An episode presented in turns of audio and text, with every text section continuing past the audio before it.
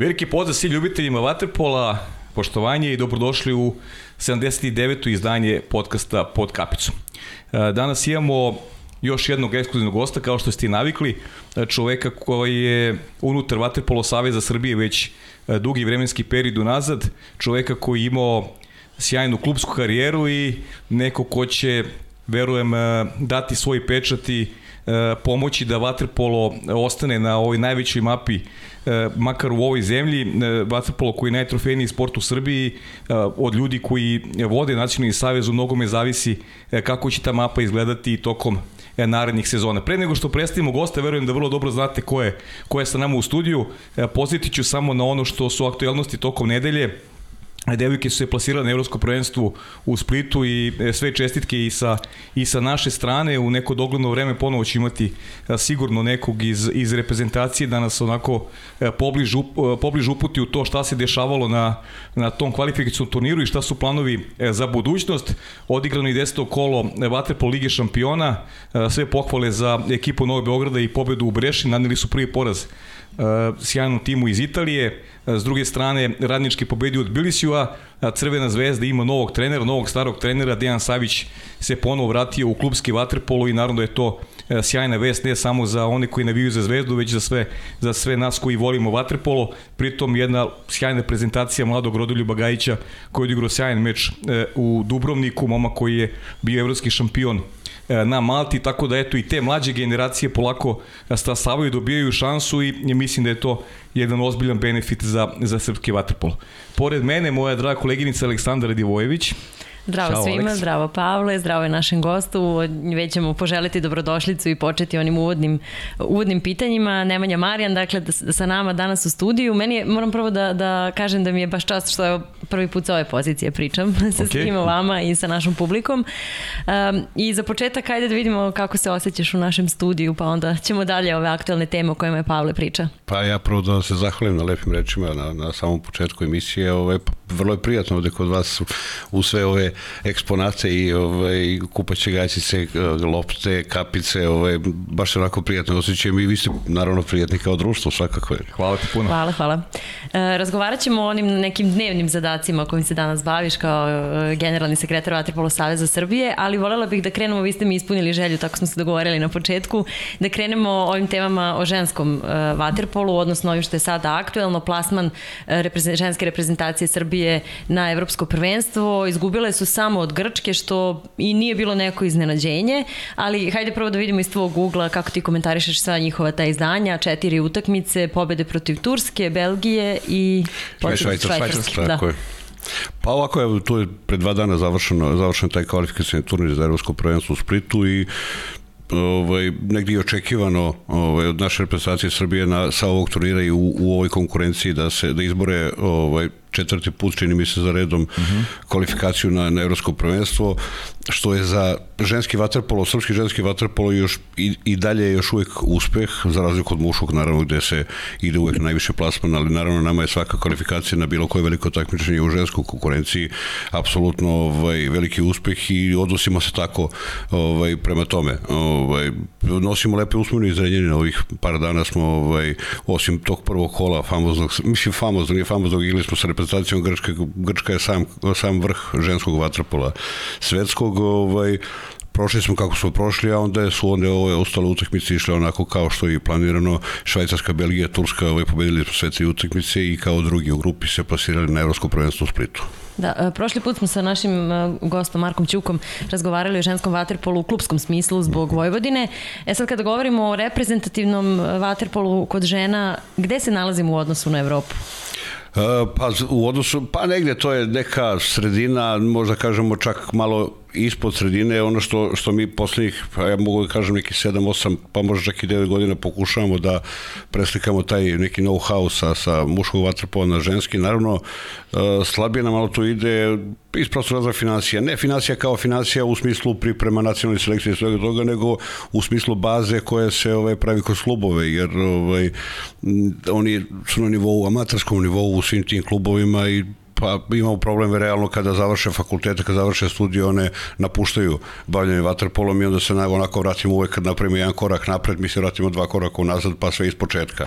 Ja se nadam da ćemo u nekom narednom periodu možda naći neki drugačiji malo model funkcionisanja ovaj, i naših klubova i nacionalnih selekcija kako bi te devojke i zadržali i kako bi što duže bile zajedno i, i počeli da pravimo neke ozbiljne rezultate u ženskoj konkurenciji. A koji su recimo neki primjeri tih modela kako da se zainteresuju devojčice da postanu stalna baza jednog kluba, zatim da kroz taj klub dođu do, do prvog tima reprezentacije? Pa, mi, mi čak i nema, ni nemamo problem tolike sa bazom kada su, kada su mlađe kategorije u pitanju, imamo problem kada su ove stari, kada su seniori mm. i upravo to, kao što sam rekao, one kada završe studije, završe svoje školovanje, ove, počinju da rade i prestaju da se bave aktivno ovaj, waterpolom i tu mi najviše gubimo jer taj neki period koji smo sve ulagali u njih praktično je bačen i onda se vraćamo ta dva čovjena kod dva koraka unazad i onda iz početka. Ima li neke zemlje kada je reč o ženskom vaterpolu od koje možemo da prepišemo model?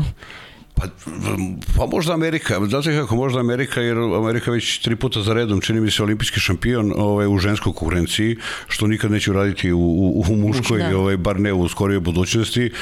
Možda to nije loš model, to su sve njihove studentkinje sa univerziteta i bivše plivačice ovaj, koje nastupaju za, za, sad za vatrpovu reprezentaciju i pa dobra ideja, dobra ideja, ovaj, nismo na taj način razvijali, ali da, ovaj, odlična ideja, tako da ovaj, malo ćemo porazmisliti o tome i možda da preslikamo samo njihov model, tako je. Da, i evo još jedno pitanje, Pavla, ako dozvoliš. Ne, samo izvoli, naravno. Ovaj, ovo su moje teme, šalim. Uh mhm. -huh. ovaj, razgovarali smo o toj popularizaciji ženskog sporta generalno, a naročito vaterpola i ovaj, e, razmišljali smo o tome ko je sad, ajde neću reći kriv, ali ko je najviše zadužen da radi na tome, da li klubovi pojedinačno, da li je do saveza, pa onda na kraju i do nas medija, da se uključimo u sve to.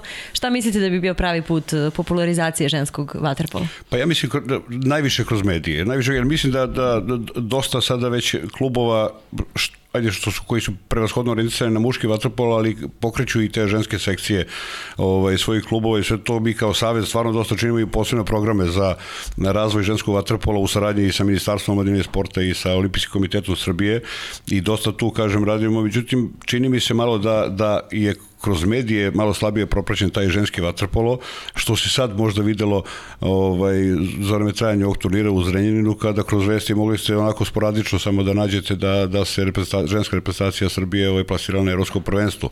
Kažem opet, to je veliki uspeh, a opet je tako slabo propraćeno bilo, tako da ja bi, eto, možda iskoristio priliku da pozovem ovaj, medije da podrže ženski vaterpolo u Srbiji i ženske vaterpolo selekcije, što nacionalne, što klubske, apsolutno. Da, a mi se trudimo još što kroz uh, ovu našu emisiju, što kroz naše stalne informacije o ženskom vaterpolu na sajtu sport kluba i stvarno, evo, potrudit ćemo se mi da se što više uključimo uz vašu pomoć, naravno. Unapred, hvala na tome.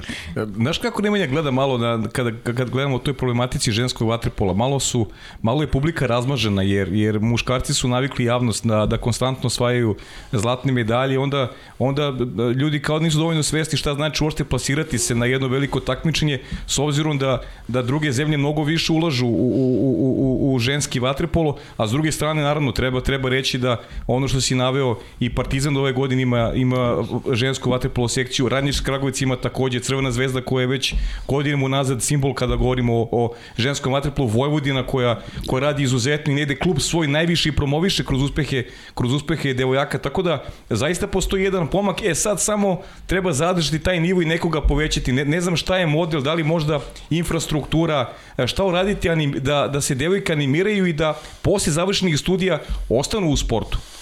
Pa tu dolazimo do pitanja naravno financija koje su ključna u tom, tema. Da, tako je, u tom, u tom nekom uzrastu ovaj, naravno da su bitne i, i, i financije ovaj, kada su seniorske selekcije u pitanju. Pa videti da li kroz programe raznorazne da, da isfinansi, pokušati da se isfinansiraju ovaj, ti programi, kažem, u seniorskim selekcijama kada, kada su klubovi u pitanju i pomoći na neki način klubovima kao što i pomažemo svih ovih godina, ovaj, možda jeste to jedan od načina kako bi mogli da zadržimo taj neki nivo, a zadržavajući taj nivo onda možemo da pravimo neke korake napred. Uh mhm. -huh. E, da, da li je, izvini, da li je interesantno, šta misliš, da li je vreme da, da neki, neki domaći klub zaigra na međunarodnoj sceni, mislim, opet u konkurenciji devojaka, da li bi to bio neki iskorak za, za, za te devojčice da, da počnu da, da igraju jače utakmice na taj način, možda i na uštab rezultata, negde se omeri, vide gde su, ali da pritom i, i nauče neku lekciju koja će im pomoći da, da, da, da, brže, da brže ovako postanu, postanu ovako stabilniji i jači u bazenu odnosno na rival. Apsolutno da, što se tiče ovih velikih ovaj, klubskih takmiča međunarodnih, mislim, očigledno tu nema još uvek tog ovaj, kvaliteta i tog uh mhm. -huh. nivoa. Ono što se stvarno ovaj, devojke naše trude, to je kroz učešće u, u Dunav ligi sa, sa, uh -huh. sa ekipama iz Mađarske. Ono što smo poslednjih godina dosta dogovarali sa, sa Vatrpolo Savjezom Hrvatske, koji takođe imaju veliku želju da razvijaju svoju žensku, svoje je, ženske selekcije, ovaj, da organizujemo zajednički regionalne turnire. Naravno, tu ti regionalni turnire, obzirom da Crna Gora nema ni jednu žensku selekciju, to bi se onda svelo na, na Srbiju i Hrvatsku, ali možda napravimo nešto u, zajedno saradnji i sa Mađarima, pa zajedno nas tri zemlje da probamo. Mislim da Mađari možda čak u ovom trenutku nemaju interes jer su iznad nas, ona, da. tako je, ali Hrvatski apsolutno da, tako da mogli bi organizovati regionalnu ligu i to su neki razgovori koje vodimo ovaj, sa Hrvatskim vaterpolo savezom, da li je to na nivou turnira u početku, pa posle možda čak i, i, i lige zajedničke da igramo. Mm, super, hvala ti, ovo je baš, baš dobra informacija. Da. Da, samo sam htjela još da, da dopunim ovo Pavlovo pitanje, uh, kada već postoji ta podela dalje na ženski i muški sport, jel postoji razlika u uslovima?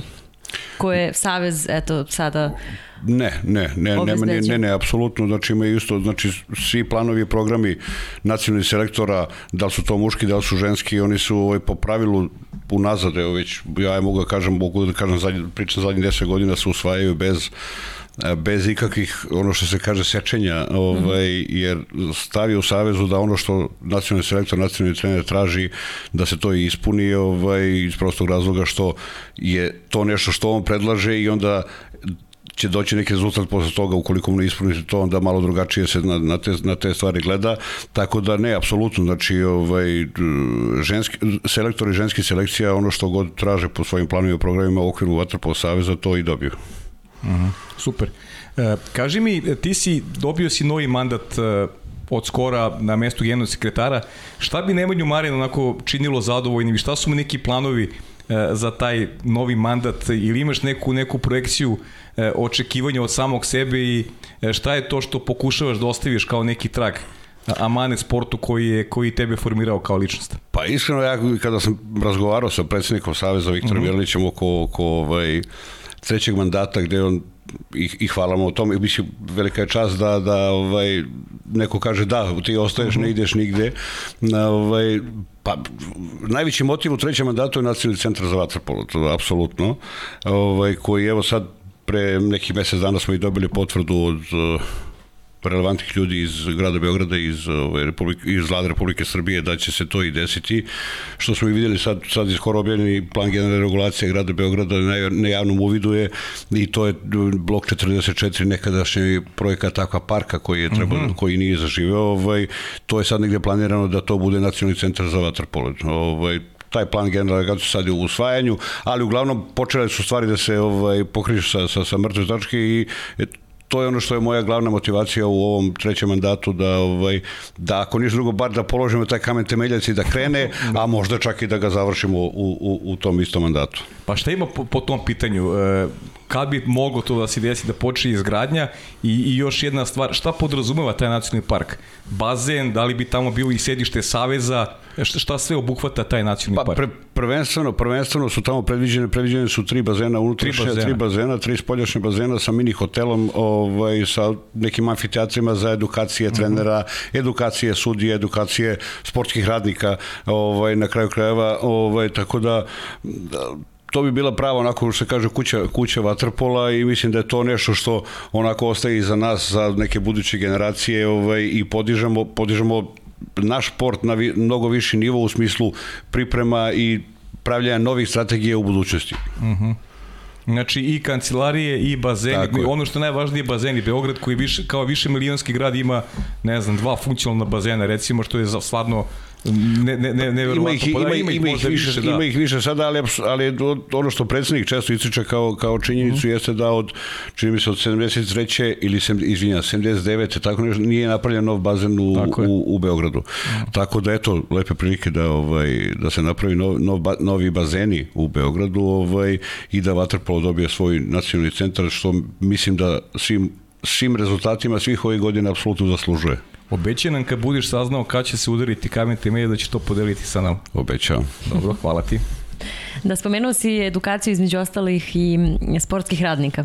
Kako je tekla tvoja edukacija kao sportskog radnika i kako je izgledao taj izlazak iz bazena i ulazak u kancelariju? Pa ja sam, ja sam imao neku, pre nego što sam postao generalni, u stvari nisam probitan sam postao izvršni direktor Saveza 2000, uh -huh.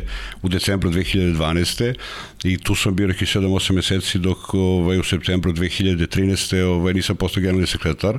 Ovaj, Pa ja sam imao praksu, pošto sam 2007. završio svoju, svoju sportsku karijeru, pa sam onda nisam imao praktično sportsku praksu, nego sam ovaj, sa jednom engleskom kompanijom radio zajednički partnerski ovde ovaj, u, u, u Srbiji. Ovaj, nakon toga, moram reći da sa englezima ko radi, ovaj, taj se dobro nauči poslu. Tako, da, ne, ne boji se glavi. Da, da, da. Tako da, ovaj, eto, takav je slučaj sa mnom ovaj, i, i počeo sam da radim u Savezu kao izvršni direktor ovaj, nepuni godinu dana i gde sam postao da posle generalni sekretara evo sve do ovaj, dana današnjeg. Uh -huh. Jel ti nedostaje bazen? Pa ne više, ne, ne. to, to, to, to, ćemo, to ćemo kasnije, imamo još mi pitanja za da. tebe oko ovih operativnih stvari. Nemanja, e, ono što se dosta provlači pro, kroz medije je e, potencijalna organizacija e, naše zemlje Evropsko prvenstvo 2024. godine.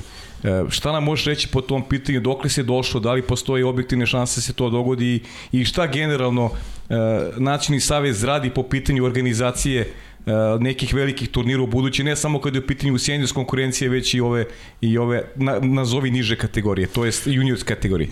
Pa, e, strategija i opredeljenje Vatrpolo Saveza jeste da organizuje što više velike međunarodne takmičenja kako seniorskih, tako i ovih mlađih kategorija i u tom smislu ove godine mi imamo, dobili smo organizaciju svetskog prvenstva do 18 godina za devojčice i za dečake. Uh mhm. -huh. ovaj, ili možemo reći muškarci i žene obzirom na godine, ali Tako ovaj, je. i to će biti održano u, u periodu 31. jula do neki, nekog 20. avgusta na bazenu Milan Gale Muškatirović uh -huh. na Dorčelu. Ovaj, to je sad već postala onako naša, naša baza ovaj, svih ovih godina gdje smo održavali takmičenje i svašta nešto.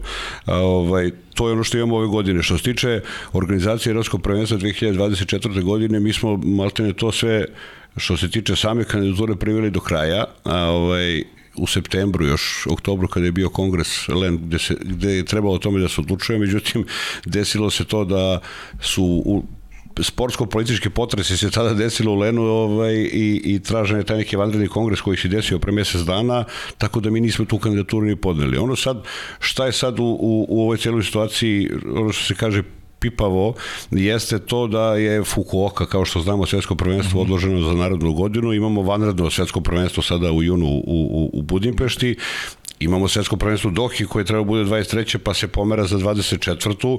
Vrlo je nejasno koji će tu datumi biti s tim da je Evropsko prvenstvo 2024. planirano u januaru, pošto u olimpijskoj godini Evropsko prvenstvo su u januaru kao što je bilo i kod nas 2016. godine, moram reći da mene sad strah malo da se uopšte prijavljujemo, jer ja uopšte ne znam kako će taj kalendar da izgleda i da li će se uopšte održati to evropsko mhm. prvenstvo, jer kao što znamo to je olimpijska godina, tako da ja stvarno ne znam gde će se spakovati ta tolika takmičenja ovaj, u praktično, šta znam, godini po dana dve. Uh mhm. -huh.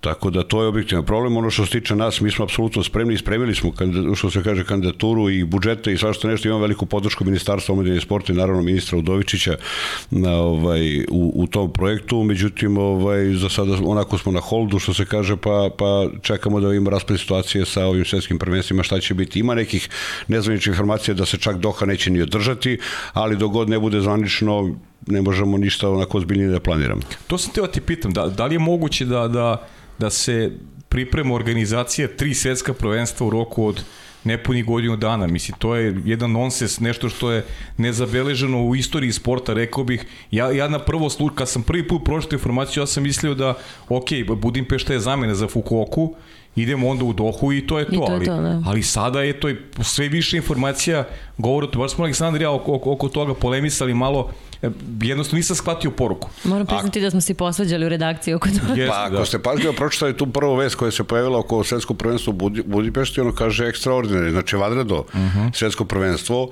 što mislim da nije dobro za ovaj sport, nije dobro apsolutno jer praktično devalvira ovaj, značaj tog takmičenja. To, to takmičenje ako držite tri puta u godinu i po dana, to je, mislim, apsolutna besmislica.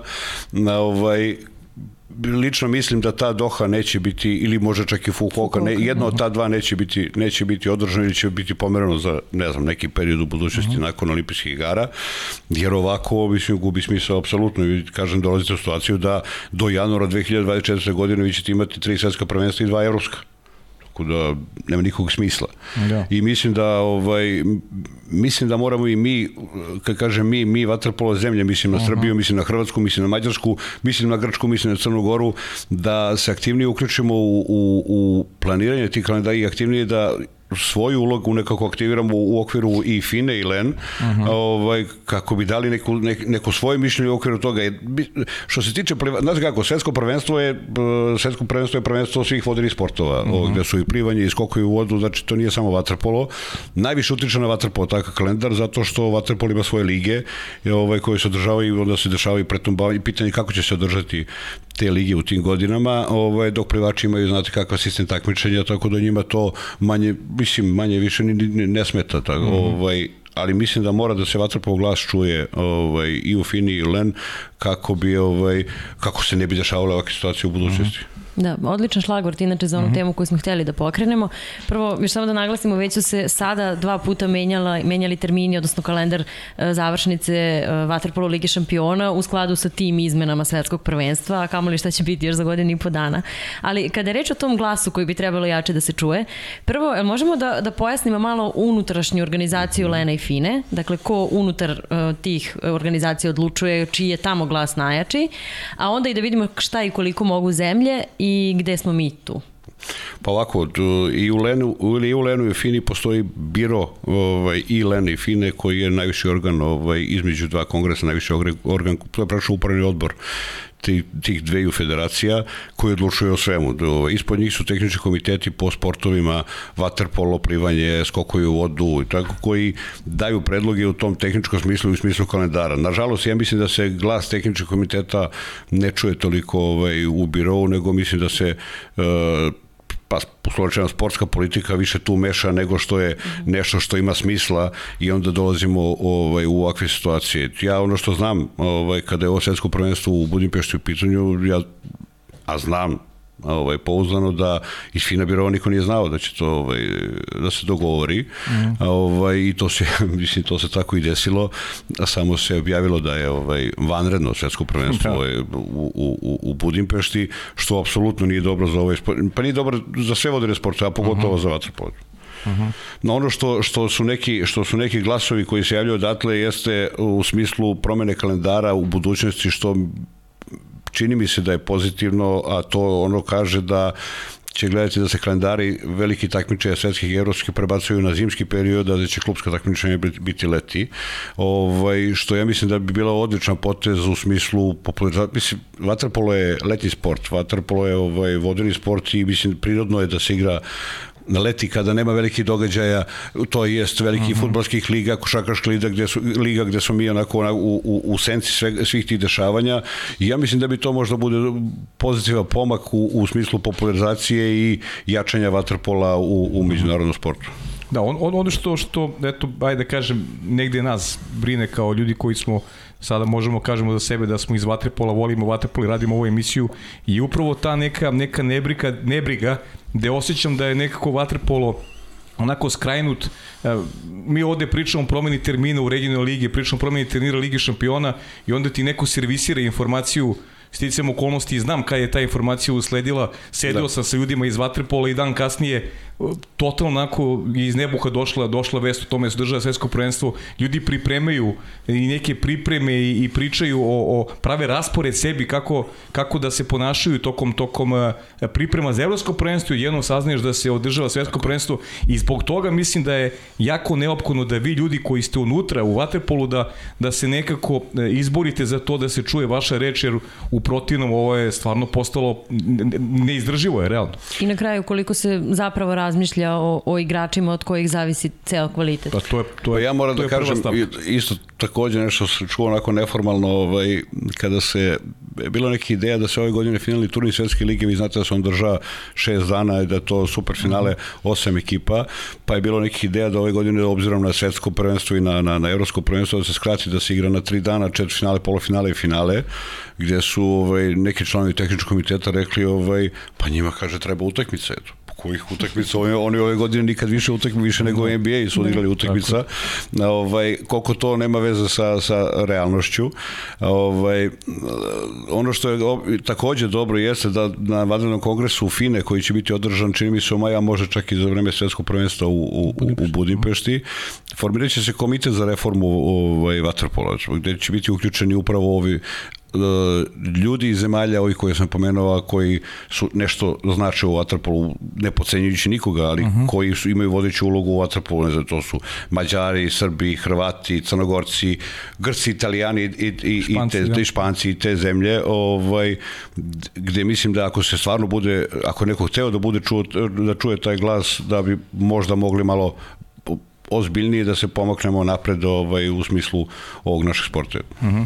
e, mnogo bitna tema, koliko ljudi ajde da kažem i Srbi, da li Nacionalni savez Srbije priprema ljude, e, da li se edukuju za ulazak u Lenu Fina, da, da imamo bliži kontakt sa, sa tim, sa vrhuškom kada govorimo o, o, o organizaciji i koliko Nemanja participira ljudi iz regiona. E, kakav je tu odnos snaga? Ima li uopšte naših ljudi? Ima li da. uopšte da naših ljudi u, pa, u, u organizacijama? Pa mi sad imamo tu u Lenu imali smo do skoro do do vanrednog kongresa imali smo Aleksandra Šoštara koji je bio uh mhm. -huh. član biroa već ja mislim 8 godina bio član uh, Len biroa i bio praktično lijazon za za za waterpolo u okviru Lena. Na, ovaj sada se ta cela garnitura se promenila sada na na, izb, na izboru, izbornom kongresu mhm. pre, pre mesec dana. Mi očekujemo ulazak novog našeg čoveka ovaj, u, u maju ovaj, na vanrednom kongresu Lena koji će opet još jedno biti održan ove godine. Ovaj, imamo u, u tehničkom komitetu, ima sekretara tehničkog komiteta za vaterpolo Dejana Perišića koji je tu mhm. dugogodišnji ovaj, član tog komiteta i vrlo onako uvažen i poštovan ovaj, u, u toj organizaciji.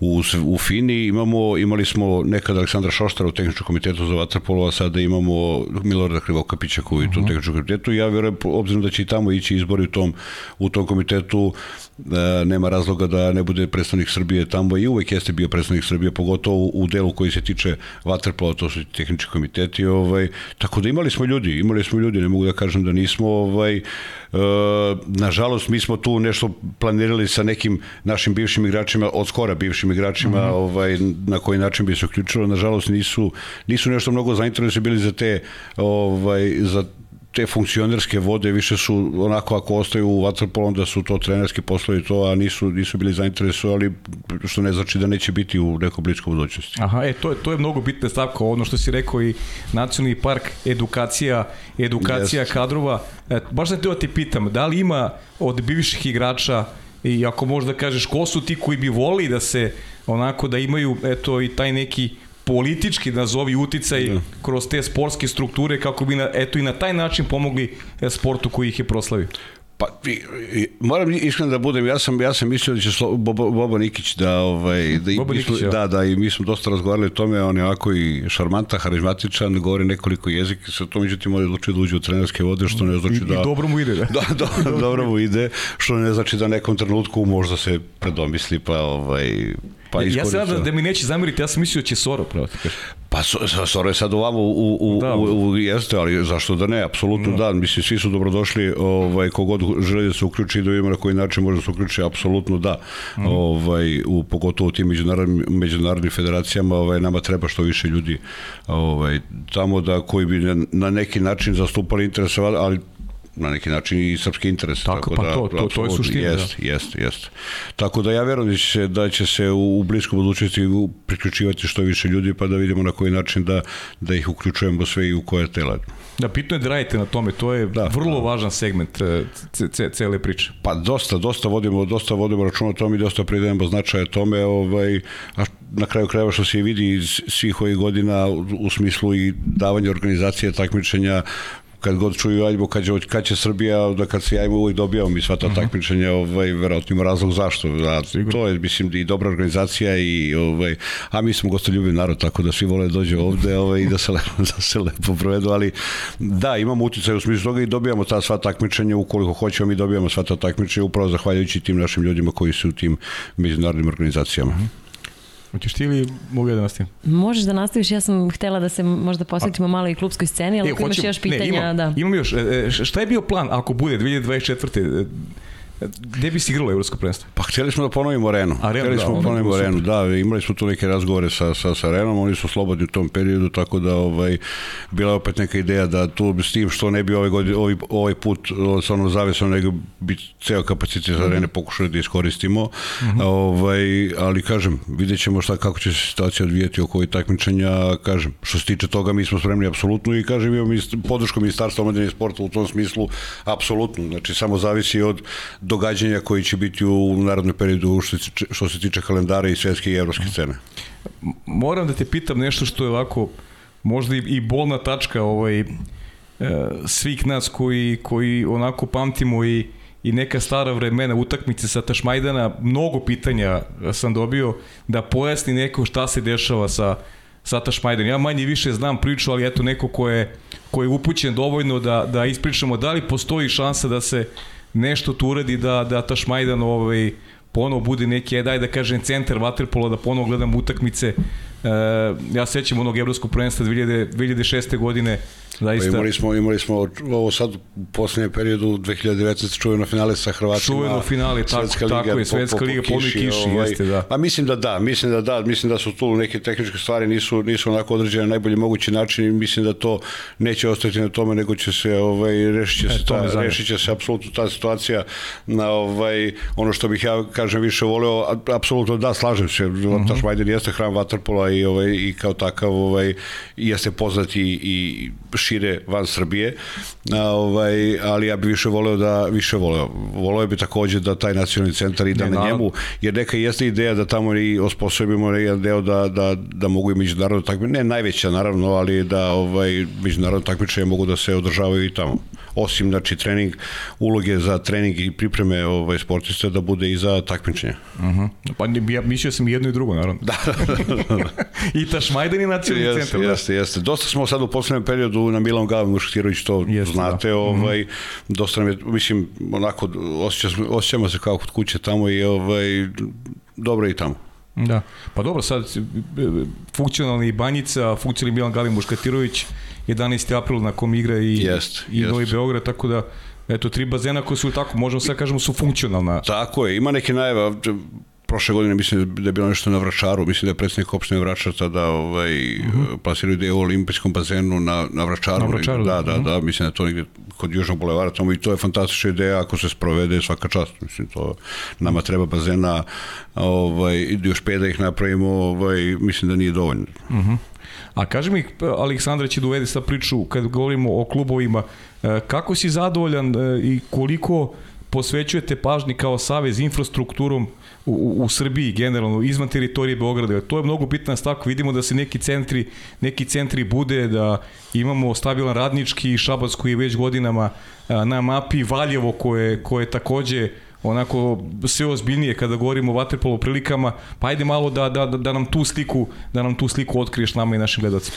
Pa ono što smo mi evo, godinama već ovaj, radimo o tome, radimo u, u dogovoru i razgovorima sa, sa lokalnim samoupravama da što više i što aktivnije podrže vaterpolo klubove u, u, u svojim sredinama i to se i dešava. Ovaj, većinom kroz, kroz ovaj, te termine koji su za većinu klubova u Srbiji ovaj, besplatni ili su uh mhm. -huh. ili oni dobiju sredstva pa plate centru, ali uglavnom pokriveni su im svi ti termini za treninge. Ono što hoćemo da, da u, u nekom narodnom periodu iz, izdejstvujemo, da probamo da ili izlobiramo ili iniciramo ili kako god, da lokalne sam negde to i rade, a negde, negde još ne, da, da uh, isfinansiraju struku i razvoj ovaj, tih klubova. Kad kažem struku i razvoj, neka naša ideja jeste da, da lokalna samuprava uh, plaća plate trenerima koji se, koji se, bave, koji se bave radom sa decom u, u, u vaterpolo klubovima. Ovaj, koliko je to izvodljivo zakonski, koliko je to izvodljivo, vidjet ćemo, ali neka jeste ideja da, da lokalna samouprava treba podrži razvoj, apsolutno, a to su deca, to, su, to je struka. Ovaj, ako neko hoće da pravi prvu ekipu za osvajanje Liga šampiona, mora da nađe sponzore, a mm -hmm. ovo, je, ovo je nešto što lokalna samouprava mora, mislim da mora da podrži i pokušat ćemo u narodnom periodu sa njima da u razgovorima da vidimo da nađemo model na koji bi način to da se, da, da se isprovede. Ja kažem da opet da, da stvarno imamo dobar odziv od svih tih lokalnih samuprava gde smo bili, a bili smo širom cijele Srbije, idemo svake godine kroz cijelu Srbiju, pričamo, razgovaramo i poku, po, zajednički pokušavamo da nađemo način da to bude na još već, višem nivou i da to bude još bolje. A sami ste rekli da eto ima, ima nekih rezultata i van, ovaj, i van Beograda i to je, to je odlično za srpski vaterpolo. Uh -huh. Pa ja bih samo evo pre nego što se konačno prebacimo na klubsku scenu, da završimo priču o ovim reprezentativnim selekcijama, mlađim selekcijama zapravo. E, I to je taj njihov uspeh koji smo, ko, kome smo bili svedoci ovog leta osvojeno svetsko i evropsko prvenstvo i to onako te informacije su stizale jedna za drugom. I taman čini mi se onda kada se ta neka šira vaterpolo javnost malo zabrinula ko su naslednici ovih velikih momaka koji su nas navikli na, na medalje sa velikih takmičenja. E, koliko vam prija ta potvrda rada celokupnog save saveza svih ljudi okolo. Apsolutno prije, apsolutno prije ponekad nije, nije prijatno kad čujete ka, a šta će sad, kaže, posle ovih kada, kad mm, odu, da. ovaj, ali lepo ste rekli, ovaj, ovi dečaci su to prošle godine na svetskom i na evropskom prvenstvu ovaj, demantovali sve koji nisu verovali da će ovaj, reprezentacija imati, to jest ovi momci koji su prošle godine se oprostili reprezentacije imati naslednike, imaće apsolutno naslednike ovaj, i dogod budemo radili u, u, to, u ovom sistemu, sada kome radimo, mislim da ne treba se, ne treba se brinuti za to. Ono što je što je najbitnije jeste da imamo dobru infrastrukturu, to je što više bazena, da imamo što više termina sa svu tu decu, a kažemo ovaj, bazu čini mi se da imamo, ne bi, ne bi bilo loše da ona bude još veća, ali imamo ovaj, dobru bazu da, da na pravi način iz godine u godinu ostvarujemo uspehe i ostvarujemo rezultate kao što smo i prethodnih godina. Da, još, još jedan od naslova koji smo čitali pred početak sezone uh, i u domaćem prvenstvu i u Ligi šampiona, nikad jača liga, jedna od najjačih, možda je bilo čak i naslova najjača u Evropi, mislim da smo tu mi novinari malo krivi i da preterujemo. da, da, da. Ovaj, um, tako, čitali smo svašta, čitali smo o prelascima dosta, čini mi se da se o transferima vaterpola igrača ovog leta čitalo najviše, skoro isto kao i u košarkaškim i futbolskim zaista, i da je onako naša javnost već navikla da, da prati klubsku scenu i u Evropi, ne samo kod nas. Um, koliko prijatno rad u takvoj atmosferi, u jednoj znatno jačoj domaćoj ligi, pa onda i na evropskoj sceni se ti naši klubovi bolje pokazuju samim tim. Aps, apsolutno da, ono što nama kao savez znači, a pored činjenice da imamo ovaj, jaku ligu ove godine, ako ne i najjaču u poslednjih ne znam koliko godina, ovaj, pored same te činjenice takođe je vrlo bitna stvar da su svi ti ovaj, igrači u zemlji igraju neke utakmice koje ova naša deca koje treba da počnu ili već treniraju i hoće da postanu kao oni ovaj, to gledaju uživo i ja mogu samo da zamislim tu dečicu recimo u Novom Beogradu kad stanu pored jednog Mande, pored jednog Duleti Petlovića, na ovaj, koje je to njemu motivacija za, za neki dalje rad i za, za dalje napredovanje u, u, u, u Waterpolu, tako da mislim da tu čak veći, veći, veća dobiti, veći benefit za srpski Waterpolo od, ajde da kažemo, same činjenice da je Liga jaka pa je jaka, ali naj, najveća dobiti da su svi ti momci u Srbiji i da sva naša deca koje se bave Waterpolom i njih hoće i ili prelamaju, da li će hoće neko na vaterpolo što bi rekao Manda, da. ovaj, da oni njih uživo gledaju i da, bude, da im to, kažem, bude motivacija da dalje napreduju u, u ovom sportu. E sad, pretpostavljam da je cilj i da je želja svih i nas i vas u Savezu i tih momaka, klubova koji rade, e, da to bude na, na što duže staze, odnosno da ne bude neki, tre, neka trenutna slika e, i stanje vaterpola u Srbiji. Pa je li to održivo? I na, na koliko duge staze? A, sve, sve, I na koji zavisi, način? Sve zavisi, sve zavisi, vi znate da, da, da smo mi veliku pomoć uh, imali Republike Srbije u proteklim godinama ovaj, u smislu pomoći klubovima, najviše u smislu pomoći klubovima, ovaj, ja verujem da će se to i nastaviti, imamo tu ovaj, sagovornika stvarno prvenstveno u ministru omladine sporta koji je, da kažem, naš i jeste naš ovaj, iz Vatrpola, ovaj, imamo veliku podršku i ovaj, ja mislim da, da će se ta podrška nastaviti u, u, u narednim godinama jer je do sada ona dala rezultate na, na taj način, tako da nema, ne vidim razlog zašto bi to tu praksu neko prekinuo i mi ćemo se onako svojski truditi da se to ovaj, što duže i što više održi. Mm. Ja ću se sad potruditi fino da pitam, a ti mi fino reci ako ne želiš da odgovoriš, a to je upravo ta raspodela novca klubovima. Možemo malo o tome. Ne naravno o ciframa, nulama, brojevima, mm -hmm. već o tome koji su kriterijumi, na koji način se kome dodeljuje, da li zavisi od učešća naravno na evropskoj sceni ili ne i tako dalje. Apsolutno da, znači imali su, ovaj, evo sad poslednja pomoć koja je išla od vlade Republike Srbije, tačno se znalo svi, znači, ko dobija, super, super, tako je, mhm. superligaši koliko dobijaju, koliko dobija prva prva B liga, koliko žene dobijaju, koliko dobijaju učesnici ovaj, u, u, u Ligi šampiona, tako da apsolutno se jasno znalo ovaj, ko koliko dobije mislim da tu nije bilo ovaj, jesu bili neki, možda ne zašto je dobio ovaj više, ali do, mislim, ovaj, vrlo su jasni kriterijumi, tri kluba koje su, koji igraju ove godine Ligu šampiona, oni su najviše i, i dobili, tako bi bilo da je bilo koji drugi klub i, i vrlo, je, vrlo su jednostavne stvari kada, mm. kada je to u pitanju. Ja sam se raspitao, znam da se pridržavate te kategorizacije, tako, tako da eto, tako. sa, sa ovog mesta to mogu da, onako da, da kažem mm -hmm. i mhm. to je, to je za pohvalu i nadam se samo da će da će ostati održivo jer ono što je poenta izvini Alek što te prekidam mm -hmm. ono što je poenta i upravo ono što govorimo stalno o ovim mladim momci ja sam danas na početku rekao um, Rodoljub Gajić i nije ne. samo on, nego ti momci, mnoge generacije srpskih vaterpolista su ostali uskraćeni za adekvatan napredak upravo zbog toga što su uh, stariji igrači rano odlazili u inostrane klubove i oni su ovde preuzimali ključne uloge sa 20-21 godina što nije prirodno stanje. I to je nešto što i momcima danas i tekako pomože da da zaista budu pravi naslednici što više ovo sada pratim, ti ja zajedno, i naravno Sara koja danas nije, nije, nije mogla bude s nama u studiju, e, sve više e, e, je, je evidentno da, da ima naslednika kojih momaka koji se opraštaju i, i čak imaju priliku da brže stasavaju u odnosu na, na momke koji silaze sa scene sa kao eto najveći sportisti možda u istoriji e, sporta u Srbiji.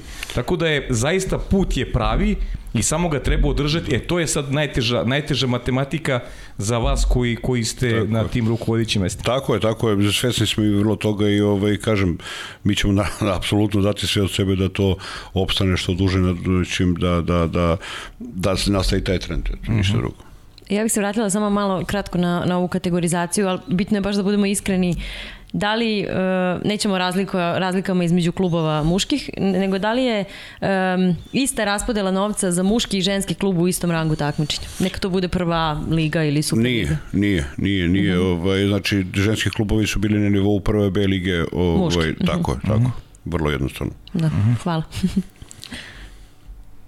Hoćemo, šta imamo još da pitamo vezano za... Pre nego što krenemo na Ima igračke dane. Ima nešto što, te, da. što te nismo pitali vezano za... Pa ja bih voljela da znam kako izgledaju te dnevne šta? obaveze generalnog e, sekretara e, bravo, Vatrpola Saveza Srbije kad dođete ujutru, šta je prvo? Prvo je kafa. prvo je kafa. Normalno. prvo je kafa. Pa dnevne, mislim, da kako, dosta je, dosta je širok taj spektar tih, ovaj, tih obaveza, ovo, sastanke ovaj, unutar Saveza, kolegijuma, šta se radi, da. šta se radi tih dana, kada je organizacija takmičenje u pitanju, onda tu je posebno ovaj tu nema radnog vremena, onda I nema ovaj kafe. nema nema ka, ima kafe uvek da. ovaj i nema odmora, ovaj pa dosta je kompleksan posao, dosta je kompleksan posao voditi računa i s jedne strane o financijama, s druge strane ovaj o o na, planovi programa nacionalnih nacionalnih ovaj selektora ovaj do organizacije rada kancelarije, ovaj onog operativnog rada, ovaj pa ali kaže pored svega, pored svega toga, pored sve te kompleksnosti, meni je tog posao koji volim. I ovaj sport koji ja volim, kome sam ceo život ovaj, i, i baš onako is, u, u svakom smislu ispunjava. Vrlo sam srećan čovjek, moram reći. Bravo, to je lepo čuti, da. A, a, i, i bit ćeš ovaj, vrlo ovaj, u, u putu ove godine, čekate mnogo obaveza, rekao si mi sad, uskoro ide i put u Slovačku, pa zatim ide i to svetsko prvenstvo, yes. evropsko prvenstvo u Splitu, dakle mnogo toga se dešava. Mnogo toga, a ono što je najbitnije za nas ovde, Aha. za, organiza, za kancelariju, jeste, jesu upravo ta organizacija, ta dva svetska, svetska, prvenstva. svetska juniorska prvenstva, tu ćemo imati 20 ekipa u muškoj konkurenciji, 20 ekipa u, u, u ženskoj konkurenciji, dosta to onako logistički zahtevno, ovaj, ali obzirom da smo, ajde, ovih svih ovih proteklih godina ovaj, sva ta neka takmičenja onako uvek dobijali neke te pohvale i, i, i priznanja. Ja verujem da će to i ovog puta biti. Imamo uigranu ekipu kada su takmičenje u pitanju, što kroz kancelariju, što kroz neke ljude koji, koje angažujemo onako dodatno, dodatno kada su ta takmičenja, kad se dešavaju i već je to uigrana ekipa, mislim da tu neće biti problema, ali ono, to je jeste ono što je na, ono, naporno, ali na kraju uvek budete, budete zadovoljni kada to sve protekli kako treba, još ako naši uzmu medalju kod kuće, to je još, to je još lepše, tako da eto, Ništa. Pavle, selimo se mi na bazen i studija. To, ne, to, to nema dileme, to nema dileme. A kaži mi lokacije, gde će se igrati ta svetska prvenstva? Na Milan Gale Muškatirović. Milan Gale Muškatirović. Da, Rekao je već, ne slušaš, ne paziš na čas. A dobro, ne pazim na času, nisam skroz pazio. Da. Pripremao se za pitanje. A šta sam još teo, e, kakva je saradnja sa, sa Viktorom, ajde malo da, da, da, da ovaj, se dotaknemo i, i, i, i tog dela? Pa, znate kako, ja sam ovaj, sa Viktorom prvo prijatelj ovaj, Aha. i pre svega ovoga bio, ovaj, pre njega je bio Milorad Krokapić, predsednik uh mhm. -huh. ovaj, Vatrpolo Saveza, dosta su to različiti ljudi ovaj, i različita saradnja bila i sa jednim i sa drugim, ovaj, ali do, sa Viktorom je saradnja dobro, sa, mislim, Viktor, što se toga tiče, ovaj, apsolutno je prihvata svaki savet, prihvata svaku sugestiju ovaj, od strane generalnog sekretara, uh mhm. -huh. a, ovaj, kao i ja njegovu, naravno, mada ja njegovu moram po funkciji, ovaj, ali odlična saradnja, nema tu Super. Da. Ćemo pređemo na karijeru, a?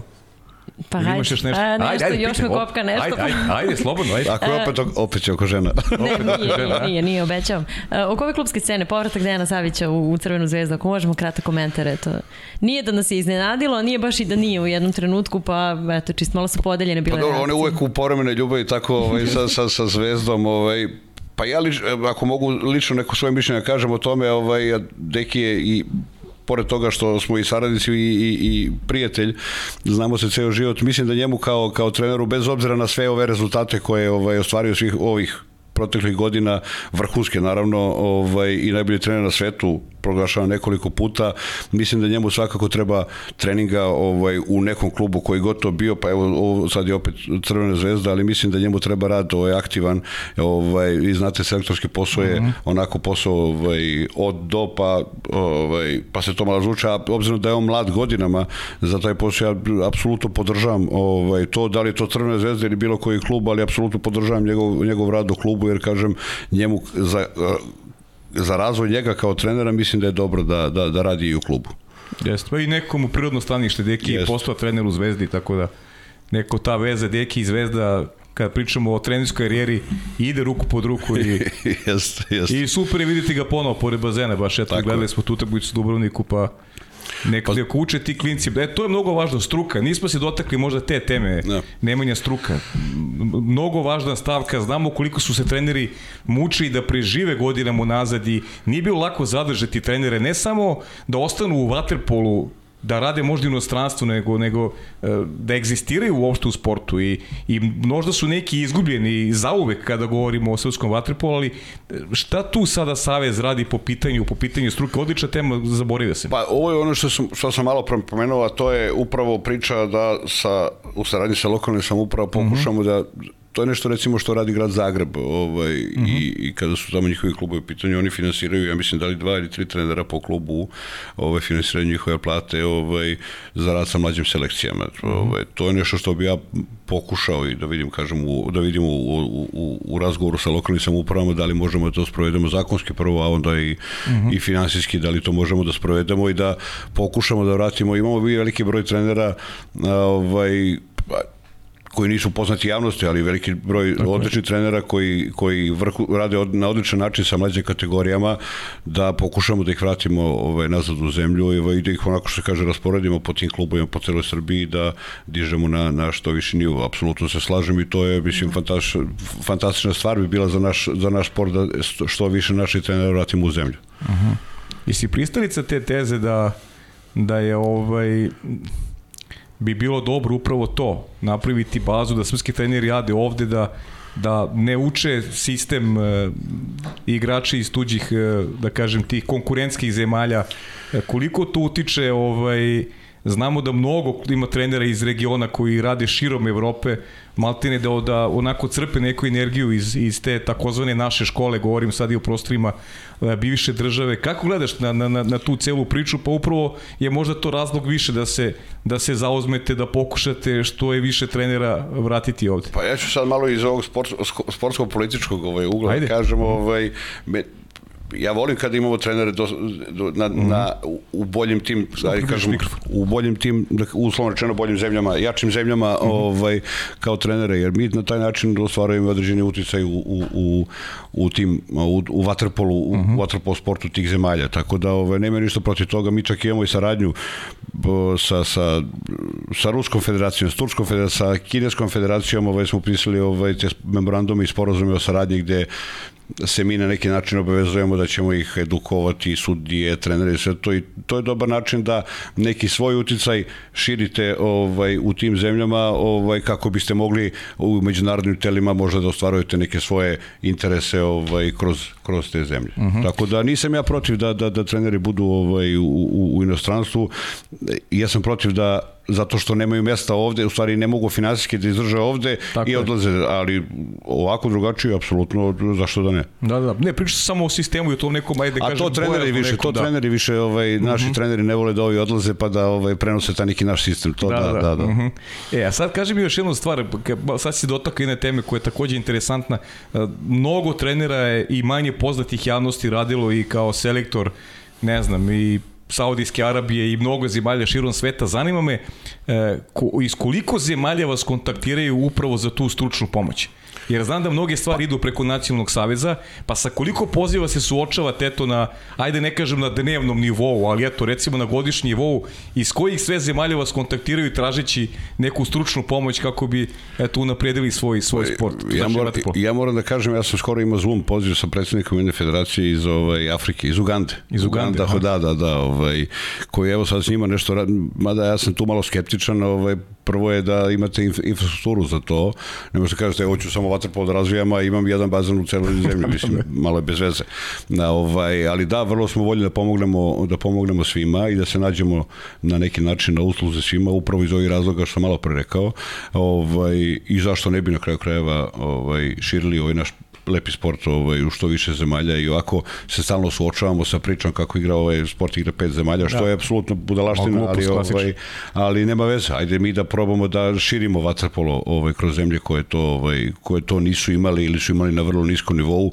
Ima tu svakakve stvari. Mi smo ovaj, pre neku godinu sa, sa 2014. u Dubaju sa, sa Emiratima razgovarali o saradnji, međutim oni to nešto vrlo malu bazu imaju, vrlo mali broj neke dece ali prvo pitanje je bilo, ovaj, jel možemo mi Egipćane pobedimo za dve godine? Što, mislim, ne ide to tako, je, ovaj, jer kod njih su Egipćani onako, ono, ovaj, da, da, u sportu, vrh, da, tako da. je, da. Na, ovaj, ja sam rekao, ljudi, pa to ne postoji, mislim, u sportu to ne postoji. Ovaj, onda su onako razočarali, pa kao šta sad da radimo i tako, ali, ovaj, ali ima i ovi ozbiljni, ozbiljni koji ovaj, shvataju da to je dugoročan proces ovaj, kroz koji svi mora da prođu i, ovaj, i radimo, kažemo tome, radimo, imamo dosta tu ovaj, zemalja s kojima sarađujemo, ovaj, iz kojima ćemo tek sarađivati. Okay. Pavlo, ćemo li prvo jedno video pitanje, pa da nastavimo ajde. mi o igračkoj karijeri ili... Može, može prvo jedno video pitanje, ajde. Ajmo da čujemo trenera, aktualnog trenera Novog Beograda. Dobro veče i pozdrav svim uh, ovaj, gledalcima podcasta, pozdrav uh, Nemani i Marinjanu. Znači, jednom od golmana koje sam ja trenirao, a trenirao sam ih stvarno puno u svom životu. E, za Nemanju pitanje e, da nam odgovori da li moment kad je 2007. godine e, rešio da više ne bude vatepolo golman nego da se bavi nekretninama, da li smatra u ovom trenutku da mu je taj posao sa nekretninama bio uspešniji od uh, toga da bude vatepolo golman? Uh... ovaj, veliki pozdrav za Dejana, za Dejana Jovića. Ovaj, pa ne, ali tu, dobro, u tom trenutku ja sam već bio onako, malo se prezasitio ovaj, uh mhm. -huh. tog aktivnog baljanja. Ja sam tu godinu proveo u Turskoj, da, ovaj, u klubu koji, u kome je Jović bio prvi put postao ovaj, šampion Turske, ovaj, te godine se ja proglašen najbolje golmana Turske, ovaj, vrlo lepa, lepa sezona koja ima sam onako u sećanju, ovaj, ali nisam, nisam, nakon te sezone sam ovaj, odlučio upravo to što sam i pomenuo sa jednom engleskom firmom su tu radili da. te nekretnine, ovaj, tako da ovaj, bilo bi bolje u tom trenutku ovaj, taj posao i to je to. Bolje, bolje nekretnine nego golman u Turskoj. da, da, da, da. A čekaj, kako smo uopšte došli od toga Nemanja da, da se ovaj, posvetiš vaterpolu, vraćamo te sad u taj klinički period. E, šta je konekcija bila sa vaterpolom i I zašto golman? Baš me zanima tvoj odgovor, jer, pa. jer znam što su većina tvojih kolega na tvojom mestu rekli. ovaj, pa ja, kao i većina, kao i većina ovaj, kad su kratili vaterpolo da se bavi, ja sam imao malo ovako problema sa, sa izbačenim, onako, izbačenim rebrima u tom nekom razvoju i sve to i u, kao i svima, uvijek je doktor rekao, ajde na plivanje. Uh -huh. ovaj, obzirom da je meni, ovaj, kao i većini vaterpolista, plivanje bilo onako pomalo ovaj, dosadno i hteli smo loptu, ovaj, pa sam počeo da se bavim vaterpolom, otac me je doveo na na bazen banjicu, ovaj, pošto se on moj otac je bio rezervni vojni oficir, a ovaj, isto kao i Zoran Vramović, tadašnji ovaj, direktor Partizana. Uh -huh. Onda su njih dvojica čuli, ovaj, kao bodoj, dovedi ga na banjicu i ta, eto, tako sam počeo ovaj, da se, ovaj, da, da treniram vaterpolo, a kako sam golman postao, ja, ja, ja, si, ja si će više, to, ovaj, što, malo sam slabije plivao. malo sam slabije, da, da, malo, da je to. malo slabije sam plivao, a eto imao sam tako dugačke ruke, ovaj, to pa, ovaj, eto, to je presudila pokojni Miško Stevanović, ovaj, mm -hmm. tadašnji trener golmana, ovaj, golmana Partizana, mnoge golmane ovaj, napravio, ovaj, onako u slengu rečeno napravio, formirao, ovaj, on je tada rekao, ajde ti da budeš golman mali i tako, eto, tako sam postao golman. Hoćemo da nastavimo s tim periodom onda provedenim u Partizanu. Ajde. Kako sada sa distance gledaš na to i šta se sve tu desilo? I... Pa, Koja je to generacija tvoja? 76. Šesto, to su da. Dače Ikodinović, uh mhm. -huh. Denis Šefik, e, Uroš Gano i ne znam kuda. Da, da, da, uh -huh. da. To je ta generacija, ovaj, pa lepo je bilo, mislim, e, zezao me stalno, pošto sam ja ovaj, 2010. godine, ovaj, kada je počinjala Zvezda svoj neki novi život, ovaj, bio u toj ekipi ljudi koje je pokretala tu ovaj, zvezdu, po, naravno čelo sa Viktorom Jelenićem, ovaj, a, a ja sam ceo, ceo život zvezdaš, a, a, a više od pola svoje najveći deo svoje karijere proveo u Partizanu, ovaj nikad ja nisam bežao, mislim bežao od toga i ponosan sam na, na, na, na taj deo svog života, -hmm. ovaj vaterpol klub Partizan bez obzira ko je zvezdaš, ko je, partizan, ko je Partizanovac, vaterpol klub Partizan zna se šta je ovaj u, u, u, u srpskim, u regionalnim, u svetskim okvirima, tako da ovaj, vrlo sam ponosan što sam bio ovaj deo bio to ovaj cele te priče, ovaj i i, i srećan. Mhm. Uh -huh. Da, usledio je prelazak u student. Da, prelazak u student, student je bila praktično da. filijala da, ovaj, mhm. Partizana, Partizana, da. Partizana mhm. tad je vodio pokojni Nenad Manojlović. Mhm. -huh. ovaj, student, imali smo mi tu odličnu sezonu te godine, ovaj, mislim da smo bili ovaj, na kraju smo bili treći, pa, treći pa je prekinuto te 99. je prekinuto zbog bombardovanja. To prvenstvo mi se završili treći odbor posle Bečeja i Budvet, što je bio fantastičan uspeh ovaj, za studenta u to vreme, ali imali smo onako i solidnu onako ekipu, ovaj, vođeni ovaj, Neno Manojlović, bila je to lepa sezona, super. Kako je Nena bio kao, kao trener? Pa strog, strog, strog, strog apsolutno strog, to su verovatno ovaj, mnogi ovde pre, da. da, da, jeste, ovaj, veliki, veliki mislilac, filozof, ne filozof ono ružno, nego filozof da, da, ovaj, u, mhm. u, u sportskoj i vatrpolo smislu, ovaj, i mnogo smo svi naučili od njega, eto, baš mnogo smo naučili od njega, što u ovom sportskom smislu, ali i u onom ljudskom. Mm. Je bilo zadrkivanje, ono, to Partizan Zvezda, ste imali unutar, unutar ekipe, ste pa, se zadrkivali malo to navijački? Pa nismo, nikad to u vatrpolo nije, ta, na, ne, ne, nikad nije da, bilo, da, ne, da. nikad nije bilo na toj distanci, ovako među vama, ovako, pa to jest, to jest, to da, da, to da, da ovaj, ali generalno je to bilo sve, mislim, nikad nije bilo na taj način ko što je ovo futbal, košarka, ne, ruko, nije, da, nije. da, da, da, da, tako to da, znam i dan mi smo lagano prelazili Partizanu u Zvezdu, Zvezda Partizan, to je bilo, mislim, uh -huh. Nema, nema igra, osim Viktora, Viktor jedini ovaj... E, da, da jeste, da. Viktor je jedan od redkih zaista koji je yes. onako ostao... Dobro, bilo ih još, bilo ih još, naravno, bilo je dosta igrača tokom da nisu ovaj prelazili iz jednog u drugi klub, da, ali Viktor da, je da. onako baš nekako jeste, simbol. Jeste, jeste, jeste, crno že tako jeste, tako. Da. Pa dobro, ni, ni, ni, ni Šapić, ni, ni, ni Ćirić. Dobro, Šapić jeste ono kao klinac, ali... Jeste, Šapić, ali, da, da, tako kao klinac tako, jeste. Ali su jedno i drugo, da, Čira da, nije, tako recimo, Čira nije, Čira je igru u Zvezdi. Da, da, da. Ko je ili šta je odlučilo o tvom prelasku Crvenu zvezdu? Uh, pa u tom trenutku je bilo da li će se vratiti i studenta u Partizan, ovaj, tada su na golu Partizana bili ovaj, Denis Šefik i Nikola Kuljač tu sezonu, ovaj, ja nisam hteo da ostanem još jednu sezonu u studentu, ovaj, mislio sam da pređem u drugi klub ovaj, tada sam došao ovaj, na, na nagovor tadašnjeg ovaj, trenera Milora Krivokapića, posle predsednika sve došao da, da, tu da. godinu u Crvenu zvezdu. Ovaj, nakon te sezone sam se vratio u Partizan od 2001. do 2003 ovaj, tada smo bili prvaci države i osvoje, duplo krunu smo osvojili ta čuvena utakmica finale e. play-offa protiv Jadrana iz Hercenovog 7-0, ovaj, što je onako rezultat bio onako za, za, za pamćenje, ovaj, Jadran Hercenovski tada isto, isto jako ekipu, ekipu, da. tako jako ekipu imali, ovaj, Kuljoča branio prve dve četvrtine, ja ušao u trećoj četvrtini ovaj, na, mislim da je da 5-0, tako nešto bilo je kada je sada primiš go i izdržao sam do kraja, tako da ovaj ne bude kuljača bolje od tebe. Tako da, ovaj tako da sam ovaj završio tu utakmicu 7-0 i onako baš onako utakmica za za za pamćenje bila. Mhm. Mm Nakon toga, nakon toga što sam na, nakon toga sam otišao u Primorac, u, u Primorac u, iz Kotora, da. Aj, si da, branio da. u, u, kupu šampiona i si branio? Uh, jes, u, u Primorcu. U, u, ne, u Partizanu? U, u Partizanu, jesam, jesam, jesam, jesam, jesam, jesam, Liga, to, Liga, Liga, Liga, šampiona, Liga pa da. šampiona tada počeo, da, da, ovaj, jesam.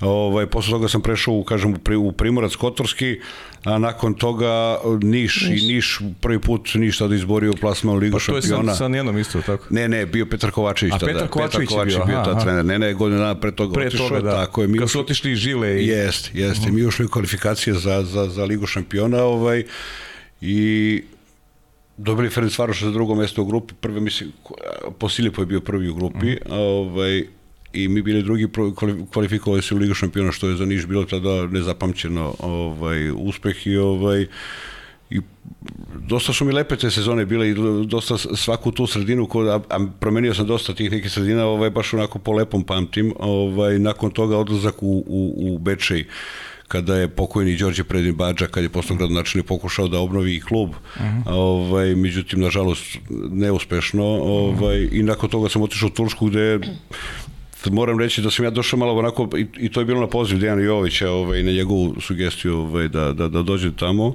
ovaj, došao onako sa predrasudama, a, a, ovaj, a vratio se, se sa mnogo lepim uspomenima i mnogo, sa mnogo prijateljeva s, koji se, s kojima se čujem i dan danas, tako da ovaj, lepo mi bilo te godine Turskoj, je proglašen najbolje golmane Turske, uh -huh. ovaj, i završio karijeru, počeo nekretnine. da, kaže mi ovaj, Turska, ajde malo da Kako ti je, kako ti je život prijao tamo? To je u stvari jedina, jedina zemlja, ajde da ne računamo Kotor, mislim, da, Kotor, da, da. Kotor je aj što kažeš ono do, domaći ambijent, e, pričaš istim jezikom. E, kako si se adaptirao u Tursku ili ti, ili ti legao taj, taj život u inostranstvu i, i koji je to nivo vaterpola tamo u, u, u tom pa, periodu? Dosta, dosta niži, apsolutno, nego što je mhm. ovaj naš, što je italijanski, što je španski, apsolutno ovaj, niži ovaj, i čak i manji broj treninga u toku, u toku godine. Ovaj, meni to tada prijelo, to je već bilo pred kraj, ja sam znao da ću tu možda još godinu, dve, tri da, uh mhm. -huh. da, da odigram i da, ovaj, i da završavam. Ovaj, tako da mi prijelo, tada prijao mi život. Istanbul je malo drugačiji od, od, od, od, od malo više drugačiji od da. ostatka Turske, ovaj, uh, metropola, lep, metropol, lep grad, fantastičan grad, fantastični ljudi. Uh mhm. -huh. ovaj, ja, kao što sam rekao, došao sam tamo sa, sa, sa određenim predrasudama, ovaj, ovaj koje su razbijene posle dva dana bile ovaj tamo ovaj kažem vrlo lepe uspomene nosimo odatle i, i dosta dobri prijatelje. To skoro su sad u Zarinu kad smo bili ovaj menadžer turske reprezentacije kaže mi ovaj kaže kaže kad dođeš u Tursku obavezno mi se javi, kaže imaš da ja spavaš, mada ja znam da ti imaš dosta kuće tamo da ja spavaš, znaš, tako da, a prija mi to, ovaj, znači mi to, ovaj, ali i stvarno je tako, stvarno, stvarno ovaj, sam stekao dosta dobri prijatelje tamo s kojima sam i dan danas u kontaktu. Uh mhm. -huh. A šta si još radio, osim što si igrao vaterpolo, si išao na futbol, ne znam koliko su vatreni u futbolu, si gledao druge sportove, imaš još interesovanja prema, prema drugim pa sportovima? Pa ima futbol, košarka, ono klasika, ovaj, klasika više futbol, ovo sad kad smo završili pa smo ovaj, pod ove balone otišli pa smo krenuli da igramo dok ovaj... Igraš ja, rekreativno, a? Pa ne više, zato što sam malo sam nabio kilažu i onda mm. kad, posle Strak, tog futbola da, da. malo bole kolena, malo boli sve ovaj, svaka mm. kočica u telu i tako da sam prestao, pa onda sad vremena vreme ode malo, malo otplivam, malo prohodam, ovaj, ali nešto onako ovaj, malo žešće, teško sad. Ovaj, malo sam se zapustio i malo sam previše kila nabacio da bi mogao da igram futbol. Ja. No, ti si da. jedan od redki koji voli da skoči u bazen po završetku karijere. Pa nije da volim, nego više nego nužno. Moraš. Da, da, više nužno. Da, više da, moraš, da, da. Jeste, jeste, jeste. Pa var, s vremena vreme, malo da se, ovaj, da se ne bi baš onako skroz, ovaj, što se kaže, opustili, ovaj, pa eto, ode malo isplivam, ode malo prohodem i tako. Uh -huh. Na futbol ideš na zvezdinu utakmice, šta? Idem, idem, idem sve, idem sve, sve na vreme. Sad, pošto imam uh, sina koji je 12 godina, pa onda ovaj, on voli da, da ide, onda uh -huh. s njim idem na utakmice, a to je nešto što je meni recimo ostalo u lepom sećanju, meni je moj otac tako kao, baš kao mala, mladog, 6-7 godina, uh -huh. vodio na, ovaj, na utakmice nedeljom, čini mi se da su tad, tad bile yes, utakmice, yes. da, da, da popodne nedeljom, ovaj, i to mi je onako ostalo u lepom sećanju i pokušavam sad to da, da, da sa njim ovaj, stvorim tak, taj, tu neku uspomenu i to neko sećanje. Uh -huh. Vanja, ajde pusti nam ovo drugo pitanje. Drugo pitanje, pa, da. da. Ćao, Pajo. Pozdrav svima u studiju, a posebno veliki pozdrav mom nekadašnjem saigraču Nemanji, za koga bih imao dva pitanja. Prvo pitanje je e, da li je i koliko puta skočio u bazen nakon završetka karijere koju je po meni i dosta rano završio, naročito za golmana, i da li možda stao među sastive i kako je to izgledalo.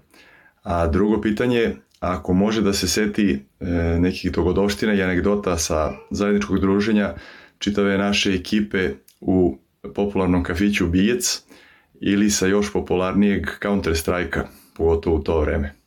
Pozdrav svi. Hvala Đuletu Filipoviću puno.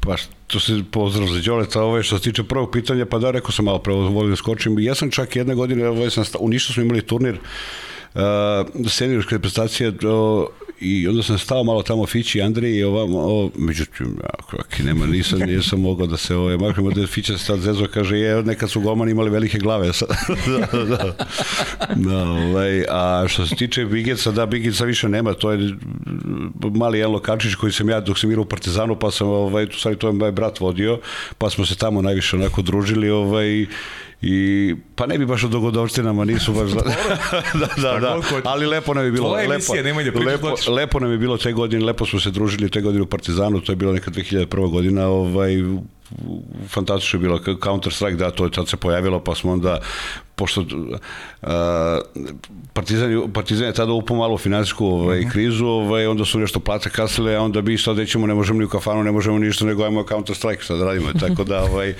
te godine na, tako bilo, ovaj, dosta smo se, kaže, družili u tom, u tom kafiću i, ovaj, lepo ne bi, lepo uspomeni iz tog, baš lepo onako uspomeni iz tog perioda. Dobra je to ekipa bila. Mm -hmm. Rekao si da ti bazene nedostaje puno, A šta ti najviše nedostaje iz igračkih dana? Je li to to druženje? Druženje, ili... upravo druženje, upravo druženje, to je ovaj, i to je nešto što, zašto ja, ja često kažem svako dete mora da se bavi sportom. To, mhm. ovaj, da li ovako, da li onako, ali mora da se bavi sportom upravo zbog tog zdravog druženja, pozitivnog druženja, da ne pričam sad o, o, o učenju odgovornostima koje, mm -hmm. koje ovaj, čemu te uči sport, ovaj, svemu tome, ali svakako da, to druženje i, i, i to neko društvo koje je u svakom smislu pozitivno. U svakom smislu pozitivno i to je nešto što se pamti ceo život. Tako da, apsolutno mislim da svako dete treba se, ovaj, da se bavi sportom na bilo koji način. Mm. Jesi li uspeo to da preneseš sinu? Jesam, sin mi se bavi judom, ovaj, bio prvog Srbije u judu ovaj, za, svoj, za, svoju, za svoj uzrast. Ovaj, da, pokušam to da prenesem.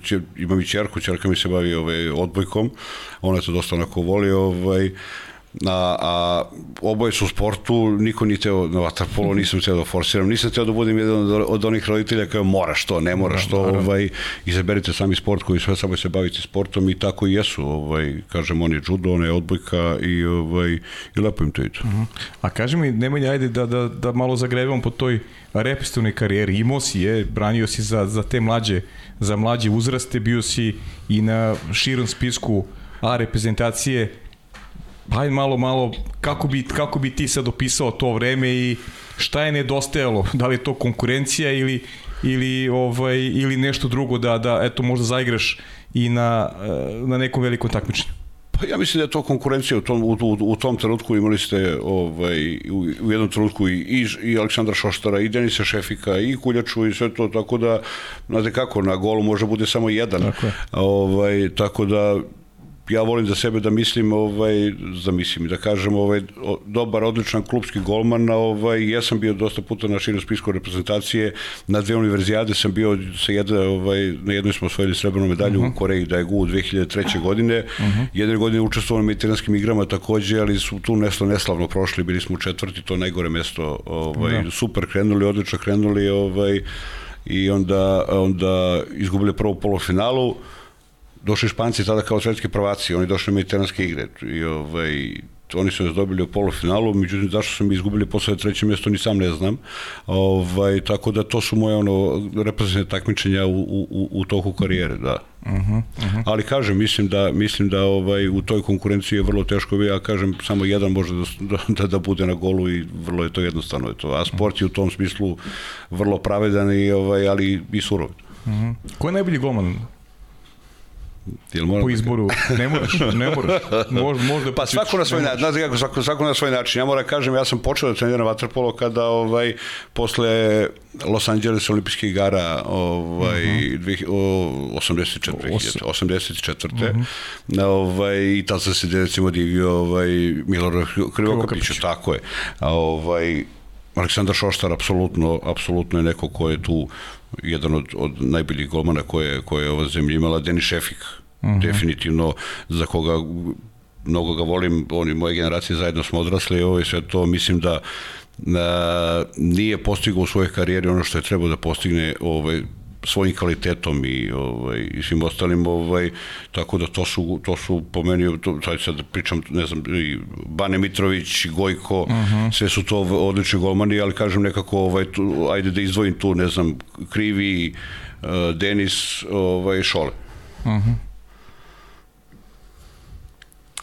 Ja bih malo da, da probamo da, da uporedimo ove igračke sa sadašnjim danima i naročito iz ugla golmana. Uh, ove promene pravila u igri, mm -hmm. odnosno i brže izmene i vreme napada i, i tako dalje. Uh, kako gledaš na to igrački kao golman, a kako kao neko ko je generalni sekretar Vatrpolo Saveza Srbije? Pa da, što se tiče samih pravila, naravno da odgovora da, da je što brže igra i mislim da iz, iz ugla igrača ovaj, jeste ovaj, bolje da je, da je, da je, da je brža igra. Ovaj, ono što, nije nama problem, nije, nisu nama na, problem nikad bila pravila. Pravi, problem je bio tumačenja pravila mm -hmm. i uh, način, kriterijum i suđenja po tim pravilima ovaj, koje su se menjale od takmičenja, takmičenja, pravila ostajala uvijek ista. Mm -hmm. ovaj, I to je nešto što je uvijek bunilo sve, on, to je nešto što je, što je publiku neku koja je van vaterpola, koja je gledala te utakmice, ovaj, dosta puta nije bilo jasno a šta je sada svirao sudija, ovaj, ali mislim da je tu više problem u organizaciji nego u, u, u, u samim pravilima. Ja se nadam da, da je, upravo smo promenili malo pre taj komitet za reformu Vatrapola, ovaj, da će uključivanje svih tih ljudi relevantnih faktora u, u, u svetu Vatrpola u, u te eventualne potencijalne reforme u budućnosti ovaj da dođemo da prave formule kada je vaterpolo u pitanju, kada je u pitanju popularnost, kada je u pitanju baza, kada je u pitanju pa na kraju krajeva i, i taj finansijski moment koji ja smatram da obzirom da na, na sve te rezultate koje godinama unazad imamo ovaj i, i da daleko, za, a znate da za, daleko zaostajemo za ostalim sportovima kada, su, kada je taj finansijski moment u pitanju i mislim da bi i to trebalo da se pojača i poveća. Uh mhm. -huh. Ponovo mi je dao odličan šlagvor, ispada kao smo se dogovorili. Ovaj, kada reč o tim kriterijuma suđenja, pre svega, imamo neki plan, o tome smo mhm. pričali prošle, od prošle misli smo zapravo krenuli da pričamo o toj temi malo otvorenije, jer imamo planove da razgovaramo i sa sudijama i da vidimo malo njihovo, njihov ugao, da nam možda objasne neka pravila koja su nam stalno nejasna. Uh, šta bi kao igrač najradije pitao sudiju da sada imaš priliku? Zašto je nešto stalno osvirao ili nije dosudio ili... Da samo jednu stvar, zašto si njemu svirao ovde, a, ov, a to, a ovo me isto si svirao drugačije. Eto to. Zato, to Evo, je najveći problem. Skupit ćemo ta pitanja pa ćemo im postaviti a, jednog dana. Zašto Bravo. si ovde svirao isključenje, a zašto si ovde svirao kontrafaul? Eto da. to. A ista potpuno situacija. A to se dešava često puta. Uh mhm. -huh. Da, dakle e samo kriterijum. E sad pazi, da. to, to sad vi iz Vaterpola. Zamisli nas koji ja nikad nisam Kojima se bavio vaterpolom, nikad nisam bavio da, da. Učim od vas jest, i pokušavam, jest. eto, da pokušavam da naučim, ali često često ne dobijam ni pravi odgovor i to je nešto što zaista predstavlja ozbiljan problem ljudima koji e, prate i žele da prate vaterpol u kontinuitetu. Pa eto, nadovezuje se pitanje kako ide ta edukacija mislim, unutar Saveza, koliko ste zadovoljni prohodnosti srpskih sudija uh, kroz, eto, ta velika takmiča, imamo Vojna Potniković, koga gledamo i u, yes. i u Ligi šampiona i kako ste vi kao Savez zadovoljni imali negde na vidiku novih mladih sudija koji će, koji će obeležiti i svetsku scenu, ne samo ovu domaću? Pa to jeste segment na kome bi morali da poradimo u nekom narodnom periodu, jer dosta sudija nam sa godinama polako onako ovaj, pa ružno reći stare, ali mislim, a, a što se tiče mladih sudija, nema ih, nema ih, na, nema ih mnogo na međunarodnoj sceni od tih mladih sudija. Ovaj, Dejan Perišić kao član tehničkog komiteta, to je sekretar tehničkog komiteta uh, Evropske federacije LEN, ovaj, pokušava maksimalno da, da što više tih naših mladih sudija uključi ovaj, u, u, u najveće takmičenja. Nažalost, oni su navikli na, na, na ne znam, znate, imate par imena, ne znam, Vojin Putiković, Ivan Raković, uh mhm. -huh. bio pokojni ovaj, Nenad Golijanin, da. tako je, da, ovaj, i oni to, to vrte okrug, neće da, ne žele da eksperimentišu, ovaj, uh, Pa eto i to je dobra ideja da u tom smislu nešto pokušamo da promenimo jer tim, tim dečacima ovaj, koji dolaze sudijama ovaj, apsolutno treba kao što se kaže za igrače da igrače prave utakmice, a ne treninzi, tako i njima te utakmice koje bi oni sudili gde bi se kalili su potrebne kao, kao igračima upravo te utakmice. Mm -hmm. Zove? Uvek me uhvatiš nespremno, izvinjavam se. Aha, dobro, može, može. imali smo, da- imali smo, sad sam ovaj prelistala pitanja koje dobijamo često od naših pratilaca na društvenim mrežama, uglavnom na Instagramu nas ljudi dosta prate, ali sve smo uglavnom postavili već uh, kroz razgovor. Ja bih voljela samo da, da probamo nekako da napravimo e, rezime ovoga o čemu smo pričali u smislu uh, da li vidiš sebe za recimo pet ili deset godina i dalje uh, u Waterpolu na bilo koji način i, i kako vidiš sebe i Waterpolo za 10 godina? Pa, apsolutno da, vidim sebe ovaj, u Waterpolu, da, ovaj, jer kao što sam rekao na početku ovog razgovora, ovaj, ovaj sport koji ja volim, ovaj, moj, mislim, ceo život sam u tome i, ovaj, i ovo, ovo je moja ljubav i, i vrlo sam srećan čovjek što sam tu gde jesam danas. Naravno da mi je želja da nakon ovaj, ovog trećeg mandata ovaj, ostanem u Waterpolu, da li kroz neki klub, da li na bilo koji način, ovaj, vidjet ću, nisam pravo da kažem da razmišljao, ali svakako hoću ovaj, i volio bi da dogod, dogod mogu da, ovaj, da, da na neki način doprinesem i da radim, ovaj, da, budem, da budem u Waterpolu. Uglavnom smo pričali o ovim velikim uspesima i sve zvuči tako sjajno i bajno i zlatno i, u peharima i trofejima i to jeste slika Waterpola koju mi vidimo. A koje su poteškoće u radu? Pa e, moram reći da, da, da evo proteklih par godina nemamo mnogo poteškoća, stvarno nemamo mnogo poteškoća, zahvaljujući ja kad, ja, mislim, moram da istaknem ovaj, veliku pomoć ovaj, vlade Republike Srbije, uh -huh. ovaj, i Vatrpolo Savezu i klubovima i moram reći da stvarno ovaj, proteklih par godina nemamo problema u finansijskom smislu, a samim tim kad je finansijski smislu, mm -hmm. u finansijskom smislu sve pokriveno, onda je lako da, da radite dalje ono sve što poželite i na, i na koji način želite. Ovaj, nije uvijek bilo tako u Savezu, ja se sećam i perioda kada su bile ogromne dugovanja. Na, ovaj, ima jedna anegdota ovaj, kada smo otišli, ja sam tada, tada nismo imali predsednika, to je bilo, čini mi se, 2000 14. januar, neki svetska liga sa Rusijom igramo u Kazanju. Ovaj, dugovi na sve strane, prete blokadama, prete svačim, ovaj, i mi dolazimo u, u, u, u hotel, Dejan Perić sa mnom pije kafu i sad ja dobijam informaciju da će, neću da pričam ko nema veze, firma nekada da blokira savez na osnovu meni se neke dugovanja starih, Ja šta da radim, rekao da, kaže, deki, kaže, neco ti plati ovo što pre, kaže, nemoj da peremo sudove pet dana, kaže, i ja sam stvarno, pošto sam znao da je sutrana blokada da ide, ja brže bolje sam karticu da platim smeštaj, sav, ovaj, cela ekipa koja je bila, ovaj, i rešio sam to, vratili smo se, ovaj, vratili smo se normalno. Tako da nije uvijek bilo, nije uvijek bilo sve sjajno i bajno, bilo je vrlo teški trenutaka, ovaj, baš u, u, u, u tom periodu, ali evo ja se nadam da smo ovaj, to smo prevazišli, a nadam se da smo prevazišli za, za, za stalno, ovaj, a to je opet vraćam se na ovo što smo pričali, da li će to biti sad samo ovih godine ili će to se nastaviti, ja iskreno verujem da će se nastaviti i svakako da ćemo mi tu raditi sve u tom pravcu da to bude nešto što je praksa, a ne izuzetak. A jesi li u igračkim danima razmišljao upravo o toj drugoj strani medalje? Da li je sve bajno i sjajno u klubu u kome igram, da li je sve bajno i sjajno u savezu, zbog čega mi kasni plata ponekad? Pa, pa nekad da, nekad ne, većinom ne, apsolutno da. da, zato što ovaj, drugačije su ulogi i na drugačiji način razmišljamo i dosta smo mlađi tada ovaj, i dosta neiskusniji u tom smislu ovaj, da znamo šta sve nosi ovaj, sedenje u nekoj fotelji ili za neki, u, u nekom klubu ili u savezu, ovaj, tako da, da, razmišljao sam kao i danas, verovatno igrači, ovaj, tako da, mislim, nisu iste uloge, jednostavno i nije isto ni razmišljanje. Da. Mm. Tokio, Hoćemo, Tokio, da. Tokio. Kako si se Šta si radio kad je Fiće dao nego? Si plakao? Plakao sam, jes, jes. Uh -huh. I predsednik je plakao i ja sam plakao. Da, da, da, da, da, da, ovaj. Moram da priznam i ja sam. Jes, jesam, ovaj. I, I zaista misli da malo ljudi ovaj, moglo da suzdrži emocije posle svega onog što je viđeno proti Španije. Nekako misli da je, da je Manda da je Manda ovaj, objasnio kako se osjećala većina ja, ljudi da, ovaj jest, koja je jest. koja je gledala koja je gledala tu utakmicu. Jeste, jeste ovaj moram da priznam ja malo svoju grešku pošto sam tada bio ljut na na, na rumunsku sudiju Aleksandresku, ovaj međutim ispostavilo se da nisam baš potpuno u pravu bio pa sam se izvinio pošto smo imali neprijatan razgovor. A, a, a, da, da, da. a, zbog čega?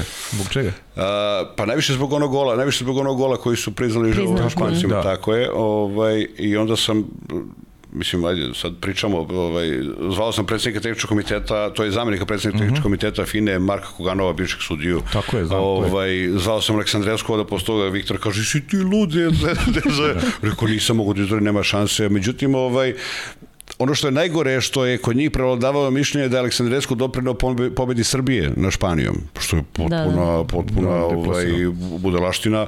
Sudio je, su, sudio je čovjek, na kraju kada sam pogledao snimak, sudio je čovjek ok i mislim da ako se sjetite onaj poslednji napad Španaca kada je svirao 2 metra, metra Špancima, da, tako je, onda je hteo da sudi protiv nas, ne bi to nikad svirao. Tako da, ovaj, tako da zvao sam ga par dana posle pa sam se izvinio pošto sam imao onako dosta onako bez veze reakciju ovaj, u odnosu na njega. Uh -huh. ovaj, gledali smo odnosa, ovaj, tako da dosta emocija taj, taj Tokio nosio, baš dosta emocija, ovaj, znamo da se opraštaju većina igrača uh -huh. ovaj, iz te ekipe, zajedno smo prošli ceo ovaj put ovaj, svih ovih godina ovaj, sad je ovako završavaju polako i da sam onako emotivno podneli sve to i mnogo sam srećan što se tako završilo na kraju jer su oni apsolutno zaslužili da na takav način završe svoje reprezentativne karijere i ovaj, mislim da to to na koji način su oni oni uh, ostvarili te svoje rezultate i, i tako završili mislim da je nezapamćen ne samo u vaterpolu nego generalno u sportu ovaj da da da da da takav razvoj situacije. Mm -hmm. da, pa ja mislim da smo svi plakali stvarno. Pa ja, ja, ja sam plakala i na onoj konferenciji na aerodromu kad su snajperi zapravo da, da, da, i kad su zapevali svi. Ali mislim nekako da je, da je selektorova suza najskuplja. ako, mora, ako moramo. da. Jeste, da. da. A vidiš Aleksandresku, recimo, ja sam popuno zaboravio da on to bio. Ja sam sinoć utakmica, opet je neko bio u centru pažnje ovaj meč Novi Beograd. Ti, ti gledaš, gledaš, više vidiš Aleksandresku nego, nego igrače u... Ne, ne, neverovatno koliko taj čovjek želi prosto da bude u centru pažnje. Pa Meni... dobro, on voli to, ali dobar sud sudija, odličan sudija. Okay, da, odličan, to, to. odličan je sudija ovaj, i, i imamo mi dobar odnos sa, sa svim tim ovaj, boljim sudijama i sve to, nekad je ovako, nekad je onako. Ja ne želim da mislim da neko ima lošu, Loš nameru, nameru, lošu okay, da. nameru. Da. svi mi grešimo kao što onaj igrač u bazenu po, pogreši kada pogrešno dode loptu ili promaši gol ili golman primi gol sa 10 metara kad pogreši, tako i sudija je isto živ čovjek i pogreši. Ovaj, ne, mogu da, ne mogu da kažem da bilo ko ima lošu nameru, ovaj, jednostavno tako. Da. A koliko bi uh, dodatak tehnologije mogao da pomogne u suđenju u vaterpolu? Pa mi sad imamo taj var. Taj da. var koji je mislim ovaj samo samo korišćenje njega što se pokazalo u Tokiju potpuno ovaj da. besmislenim da ti pustiš ceo napad da prođe, a onda ako nije bilo gola, ovamo sviramo gol. Misliš šta to znači? A šta da je pao gol ovamo, onda se poništao, pa to se desilo. Pa to se desilo, da, to se nama da. se poništio ovaj gol. Oko 2-1 recimo. Poništi se nama gol, ovamo se svira gol. Potpuno, da. potpuno idiotski, ako se već koristi, onda koristiš ga, odmah zaustaviš napad i gledaš da li je gol ili nije gol. Mm. A, ovaj... I to protiv Grčkog u finalu bilo? Jeste, jeste, je bilo i jeste, jeste, jeste. Ovaj, tako da, ne, ne znam, ovaj, eto, to je još jedna svakako tema za ovaj čuveni komitet za reforme koji sam pomenuo. Ništa, vi da na komitet, tome, mi ćemo da. zvati sudije u goste, pa ćemo valjda nešto pa, obavezno, promenimo. Obavezno, ja bih volio da čujem šta i oni kažu. Ovaj, ne, ja imam dogovor, imam da. dogovor, ali to ćemo da uradimo sa Ivanom Rakovićem. Mm -hmm. On će mhm. sigurno doći, pristoje da dođe, tako da ćemo razgovarati sa njim na, na, na, na, na te teme. A hoćemo sad još jedno pitanje, imamo da, još jedno pitanje, pa ćemo da, pitanje, da, da privodimo polako kraj. Pozdrav svima u studiju i svima koji gledaju podcast. Želeo da postavim dva pitanja e, Nemanji. E, nijedno nije usko povezano sa Vatrpom. E, I prvo pitanje je kako komentariše svoju neverovatnu sposobnost da se adaptira na vožnju suprotnom stranom na Malti 2001. godine, ako može malo da približi šta se sve dešavalo taj dan. I drugo pitanje je vezano za njegov poslovni život, odnosno da li i dalje smatra svojim najvećim poslovnim uspehom upravljanje eminentnim lokalom, odnosno ugostiteljskim objektom u predgrađu, u predgrađu Beograda. Pozdrav. Što rekao da je svima ostalo lepo sećanje taj kafić, da, da. da Mnogo ovaj. ozbiljni Miloš Koroli. ovaj, pa dajde, da, lepo nam je uspome ostao taj kafić, već smo rekli, već smo rekli, ovaj, bilo je super ovaj, družiti se tada ovaj, tamo. A vožnja? A, vožnja, pa slupali smo se, ovaj. slupali smo se na Malti, ali smo se tamo zavetovali šta, šta je bilo na Malti, ostaje, ostaje, ostaje, ostaje, na, ostaje na Malti. Bili smo u tim čuvenim kolima, bili smo ovaj, Fića, Vanja, ja, Kuljača i, i, i Boba Nikić. Mm -hmm. ovaj, pa nema veze, slupali smo se, mogu da kažem da kad smo došli, kad smo došli da vratimo, to je renta kar neki bio, ovaj, da me onako otpao branik onako visio i ja sam uzao sam neku našu neku žicu pa sam to vezu i, a inače je bio auto malo onako izudaran Kuljača kao najstariji kaže, kaže šta sad, sad ćemo da moramo da platimo bre, ja, ja kažem šta ti je bre, sad ćemo ja to da vežemo, ovo nema šanse da provali. Na. I ka, aj ti će reko oči, sad vidiš. Ovaj, da i fari ispobio, pa smo nešto isto samo lepili gluposti neke i dolazimo, ovaj, dolazimo ispred renta kara da vratimo auto ovaj, i kako smo išli iz škole, kaže, o, kaže, malo ste se čuknuli, kako si ovo sredio svaka ti čast, ovaj, tako da ovaj, odrno si onaj tada bio na, na ovaj, u, u, u rentakaru za tu štetu, ovaj, ali dobro, lepo uspo, lepo uspomena, na kraju je lepo uspomena ispala. Da. Tako, da, Dobro, sad da. ćemo znati koga treba da pitamo, to je Malti kad dođe, možda nam neko nešto otkrije. Pa da, e, ali znaš što hoću kaže, pre nego što uđemo u završnicu, e, to je to je velika pohvala tebi i namerno to hoću da isteknem jer često imamo ova ova video pitanje i sad naravno da da kao i svakom poslu imaš uh, sa ljudima nisu svi odnosi baš idealni savršeni da bi neko postio pitanje. Za tebe su želeli svi da učestvuju u kreiranju pitanja i i mislim da je to onako najbolja neka da kažem pohvala tebi jer uh, ljudi te vole, znaš, i to je, pa, i to, i, i to je vajde najvažnije kod čoveka kad zna da, da ima među kolegama, ima prijatelji, da ima, da ima poštovanje. Pa, Mislim da je to najveći benefit, zna, najveća pobeda čoveka. Dosta mi, dosta mi to znači, dosta mi to znači, ja sam se uvek trudio da, da, da prema svakom, imam, imam ovaj, ljudski odnos u svakom, u svakom mogućem smislu, tako da ovaj, drago mi ako sam to negde postigao, ovaj, da su, ako je to negde prepoznato, a očigledno jeste i vrlo sam ovaj, srećen. Da, verujem mi da je tako, jesu, to sam baš teo podelim javno, eto, zato što ja mislim da to nema lepše gošće nego kad čovjek zna da da ovako da ga da ga poštuju kolege i to je to je mnogo, hvala ti hvala što si podelio to sa nama da. baš mi znači znači mi to Pavle, smo nešto preskočili. Stvari tebe da pitamo, da li smo nešto preskočili, pa jesmo, što bi želeli? Pa, pa porodicu, porodicu, to da, je nešto obavezno. Da, ostavimo za kraj. Uvek, ostavljamo za kraj da. porodicu obavezno, a ne znam, od ovih vaterpolo pitanja, pa iskreno ti kaže, ja imamo još svašta da ti pitamo, ovaj, mogli bi ovako sedimo, da sedimo i dva dana, znaš, da, da, da, da pričamo pa eto, ajde recimo da ajde da da da da pre nego, nego što dođemo na porodicu da da mi kažeš šta očekuješ lično od od te lige šampiona i e, kako vidiš učinak e, srpskih klubova i šta misliš koje su koji su dometi pre svega Novog Beograda, jer očigledno da će Novi Beograd biti jedini predstavnik Srbije na na Final 8 opet s druge strane nemaju za čim da žali ni Radnički ni Zvezda, Radnički igru i mnogo jakoj grupi. Napreduje te ti mladi igrači Zvezda, benefit je uopšte igranje u Ligi šampiona, to nije bilo ni planirano, dakle zaista sjajan rezultat i Zvezda, Novi Beograd evo iz utakmicu utakmicu sve bolje i čini se da i te kako imaju ovaj, zašto da se bore u, u Beogradu u junu mesecu. Pa, apsolutno da, Vatrpao klub Novi Beograd ovaj, ima apsolutno prednost u tom smislu, pre svega zbog igračkih imena koje su, mm -hmm. ovaj, koji su u klubu, ovaj, e, nisu, nisu na najvišem nivou igrali cele sezone u određenim utakmicama, dosta je neke oscilacije bilo, međutim to je normalno, ovaj, normalno za ekipe koje nastanu u tako kratkom periodu i potreban je potreban je period da se da se ta ekipa i adaptira u igra ovaj tako da ja mislim kako bude odmicala sezona da će se bolje bolje igrati što evo sam si rekao da da uh mhm. -huh. sve bolje da se bolje igraju što se tiče Radičkog ja uvek volim Radički da da istaknem ovaj za dobar rad ovaj u, u dole u Kragujevcu i meni je drago da da da da su oni na tom nivou i moram reći da to nikad nije bilo. Mi imamo dosta sada deca iz Kragujevca, ovaj, baš kragujevačke dece koje su ovaj, uh, igraju značajne uloge u, u mlađim nacionalnim selekcijama, ovaj, što je za svaku pohvalu i za, i za ponos i, i upravi kluba dole i, uh -huh. i, i priznanje za taj posao koji rade.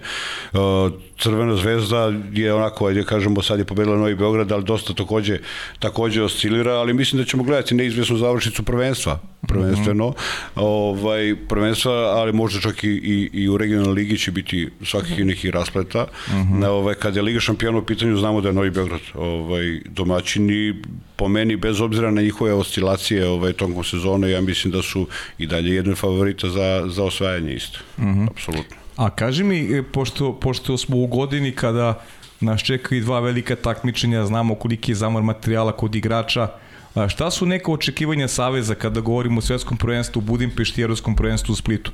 I postoji neki cilj koji je stavljen pred Dejana Savića ili jednostavno negde i trenutak situacije promena uh, dobrog dela igračkog kadra negde onako da i neki mir Savezu i, i ne postavlja neke visoke ciljeve selektoru pa na igračima koji će igrati na ta, veli, na, na, na ta dva takmičenja. Pa, znate kako, oni sami sebi postavljaju da, visoke da, ciljeve, jasno, uvek, da. je, uvek je to kad je, kada je vatrpolo u pitanju ovaj, i uvek se ide najviše plasman ovaj, neće naravno biti lako ove godine, obzir, ka, nije bilo ni jedne, ali ovaj, pogotovo neće ove godine kada se dosta izmenila ta ekipa, ovaj, a obzirom na veliki broj utakmica ovaj, klubskih, ovaj, nije on tu nešto mnogo prostora imao, niti da ih uigrava, ovaj, ali ja verujem da će oni uspeti izvuče maksimum iz njih i da će ostvariti najbolje moguće plasman u, u tom trenutku za njih. Nemamo, nemamo nerealne ambicije, ovaj, nemamo, nismo nerealni u tom smislu da kažemo je moraš da budeš prvi, nismo to nikad radili ni sa, ovim, mm -hmm. ni sa, sa zmajevima, sada tako ih zovemo, ovaj, da, da, sa, zmajevima. sa zmajevima dok su, dok su igrali, ovaj, pa nećemo ni sada, ovaj, tako da Dejan Savić takođe ima dosta kredita, je, tako da... Ovaj, a rekao bih da je zaslužio te kredite. Apsolutno zasluženo, apsolutno zasluženo. Ovaj, idemo na svetsko prvenstvo sa, sa najvišim ambicijama i na evropsko prvenstvo takođe sa najvišim ambicijama, a kažem, ako se nešto drugačije desi, nije smak sveta, idemo dalje. Uh, ono što je cilj svakako zacrtan, to, je, to su olimpijski igre 2024. Ovaj, i medalja na tim istim olimpijskim igrama. To je znači cilj, medalja u Parizu. Tako je, medalja uh -huh. u mhm. Parizu, ovaj, olimpijska medalja, medalja to je nešto što što naš sport ovaj vrh piramide da. Da, da, što i što naš sport drži ovaj u žiži ovaj i to je uvek je sve u cilju olimpijskih igara. Pa ajde sad ja da ono i ja sa kao i Aleksandar kao kao deo vaterpolo priče sa ponosom da kažemo u 2000. godine Srbija je uvek donosila medalje sa olimpijskih igara u vaterpolu, što je zaista neverovatan podatak. Jeste, jeste. Od Sidneja konstantno medalje sa olimpijskih igara. Jeste, to je... To je, to je period od 22 godine. Tako je, to je fantastičan podatak u odnosu na, na, na, na sve ostale sportove. Da, vaterpolo jeste apsolutno ovaj, jedini donosio ovaj, sa svakih olimpijskih igara medalju i to je stvarno za, za, onako, za, za ponos.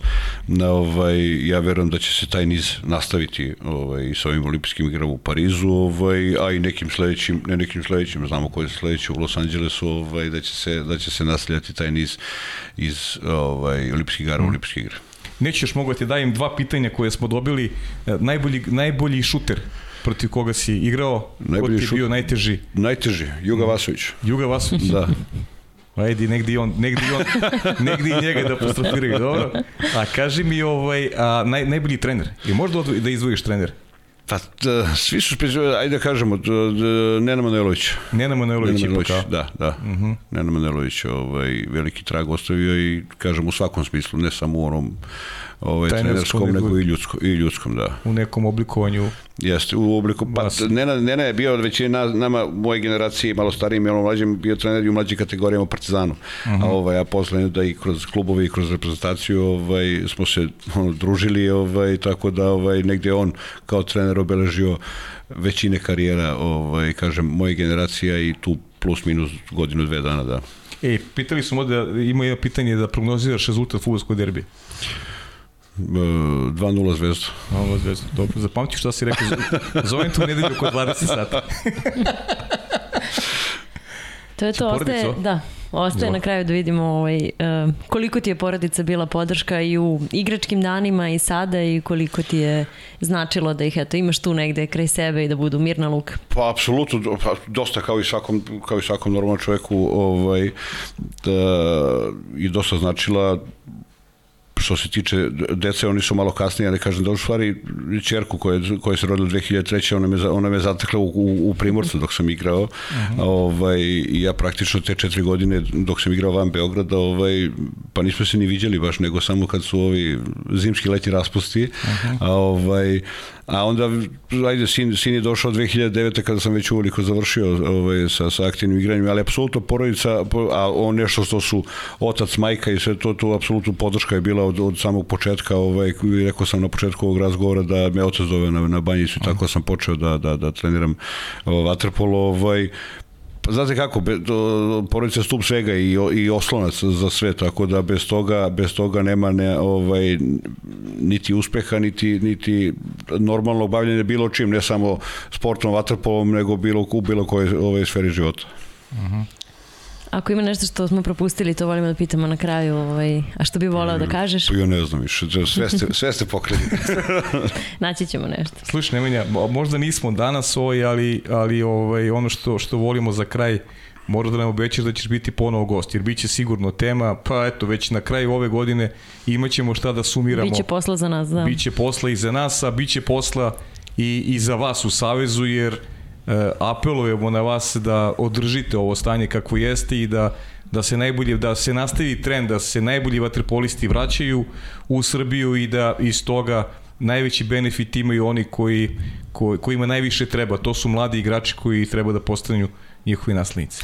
Apsolutno ćemo dati sve, sve od sebe u tom smislu, a da, obećavam da će doći jer vi ste ovaj, neko ko, ko na pravi način pridaje pažnju ovaj, ovom našem sportu i, i na određeni način ga populariše, tako da apsolutno kad god ovaj, mislite da treba da, da, da nešto pričamo, ja sam apsolutno raspoložen za, za svaki razgovor.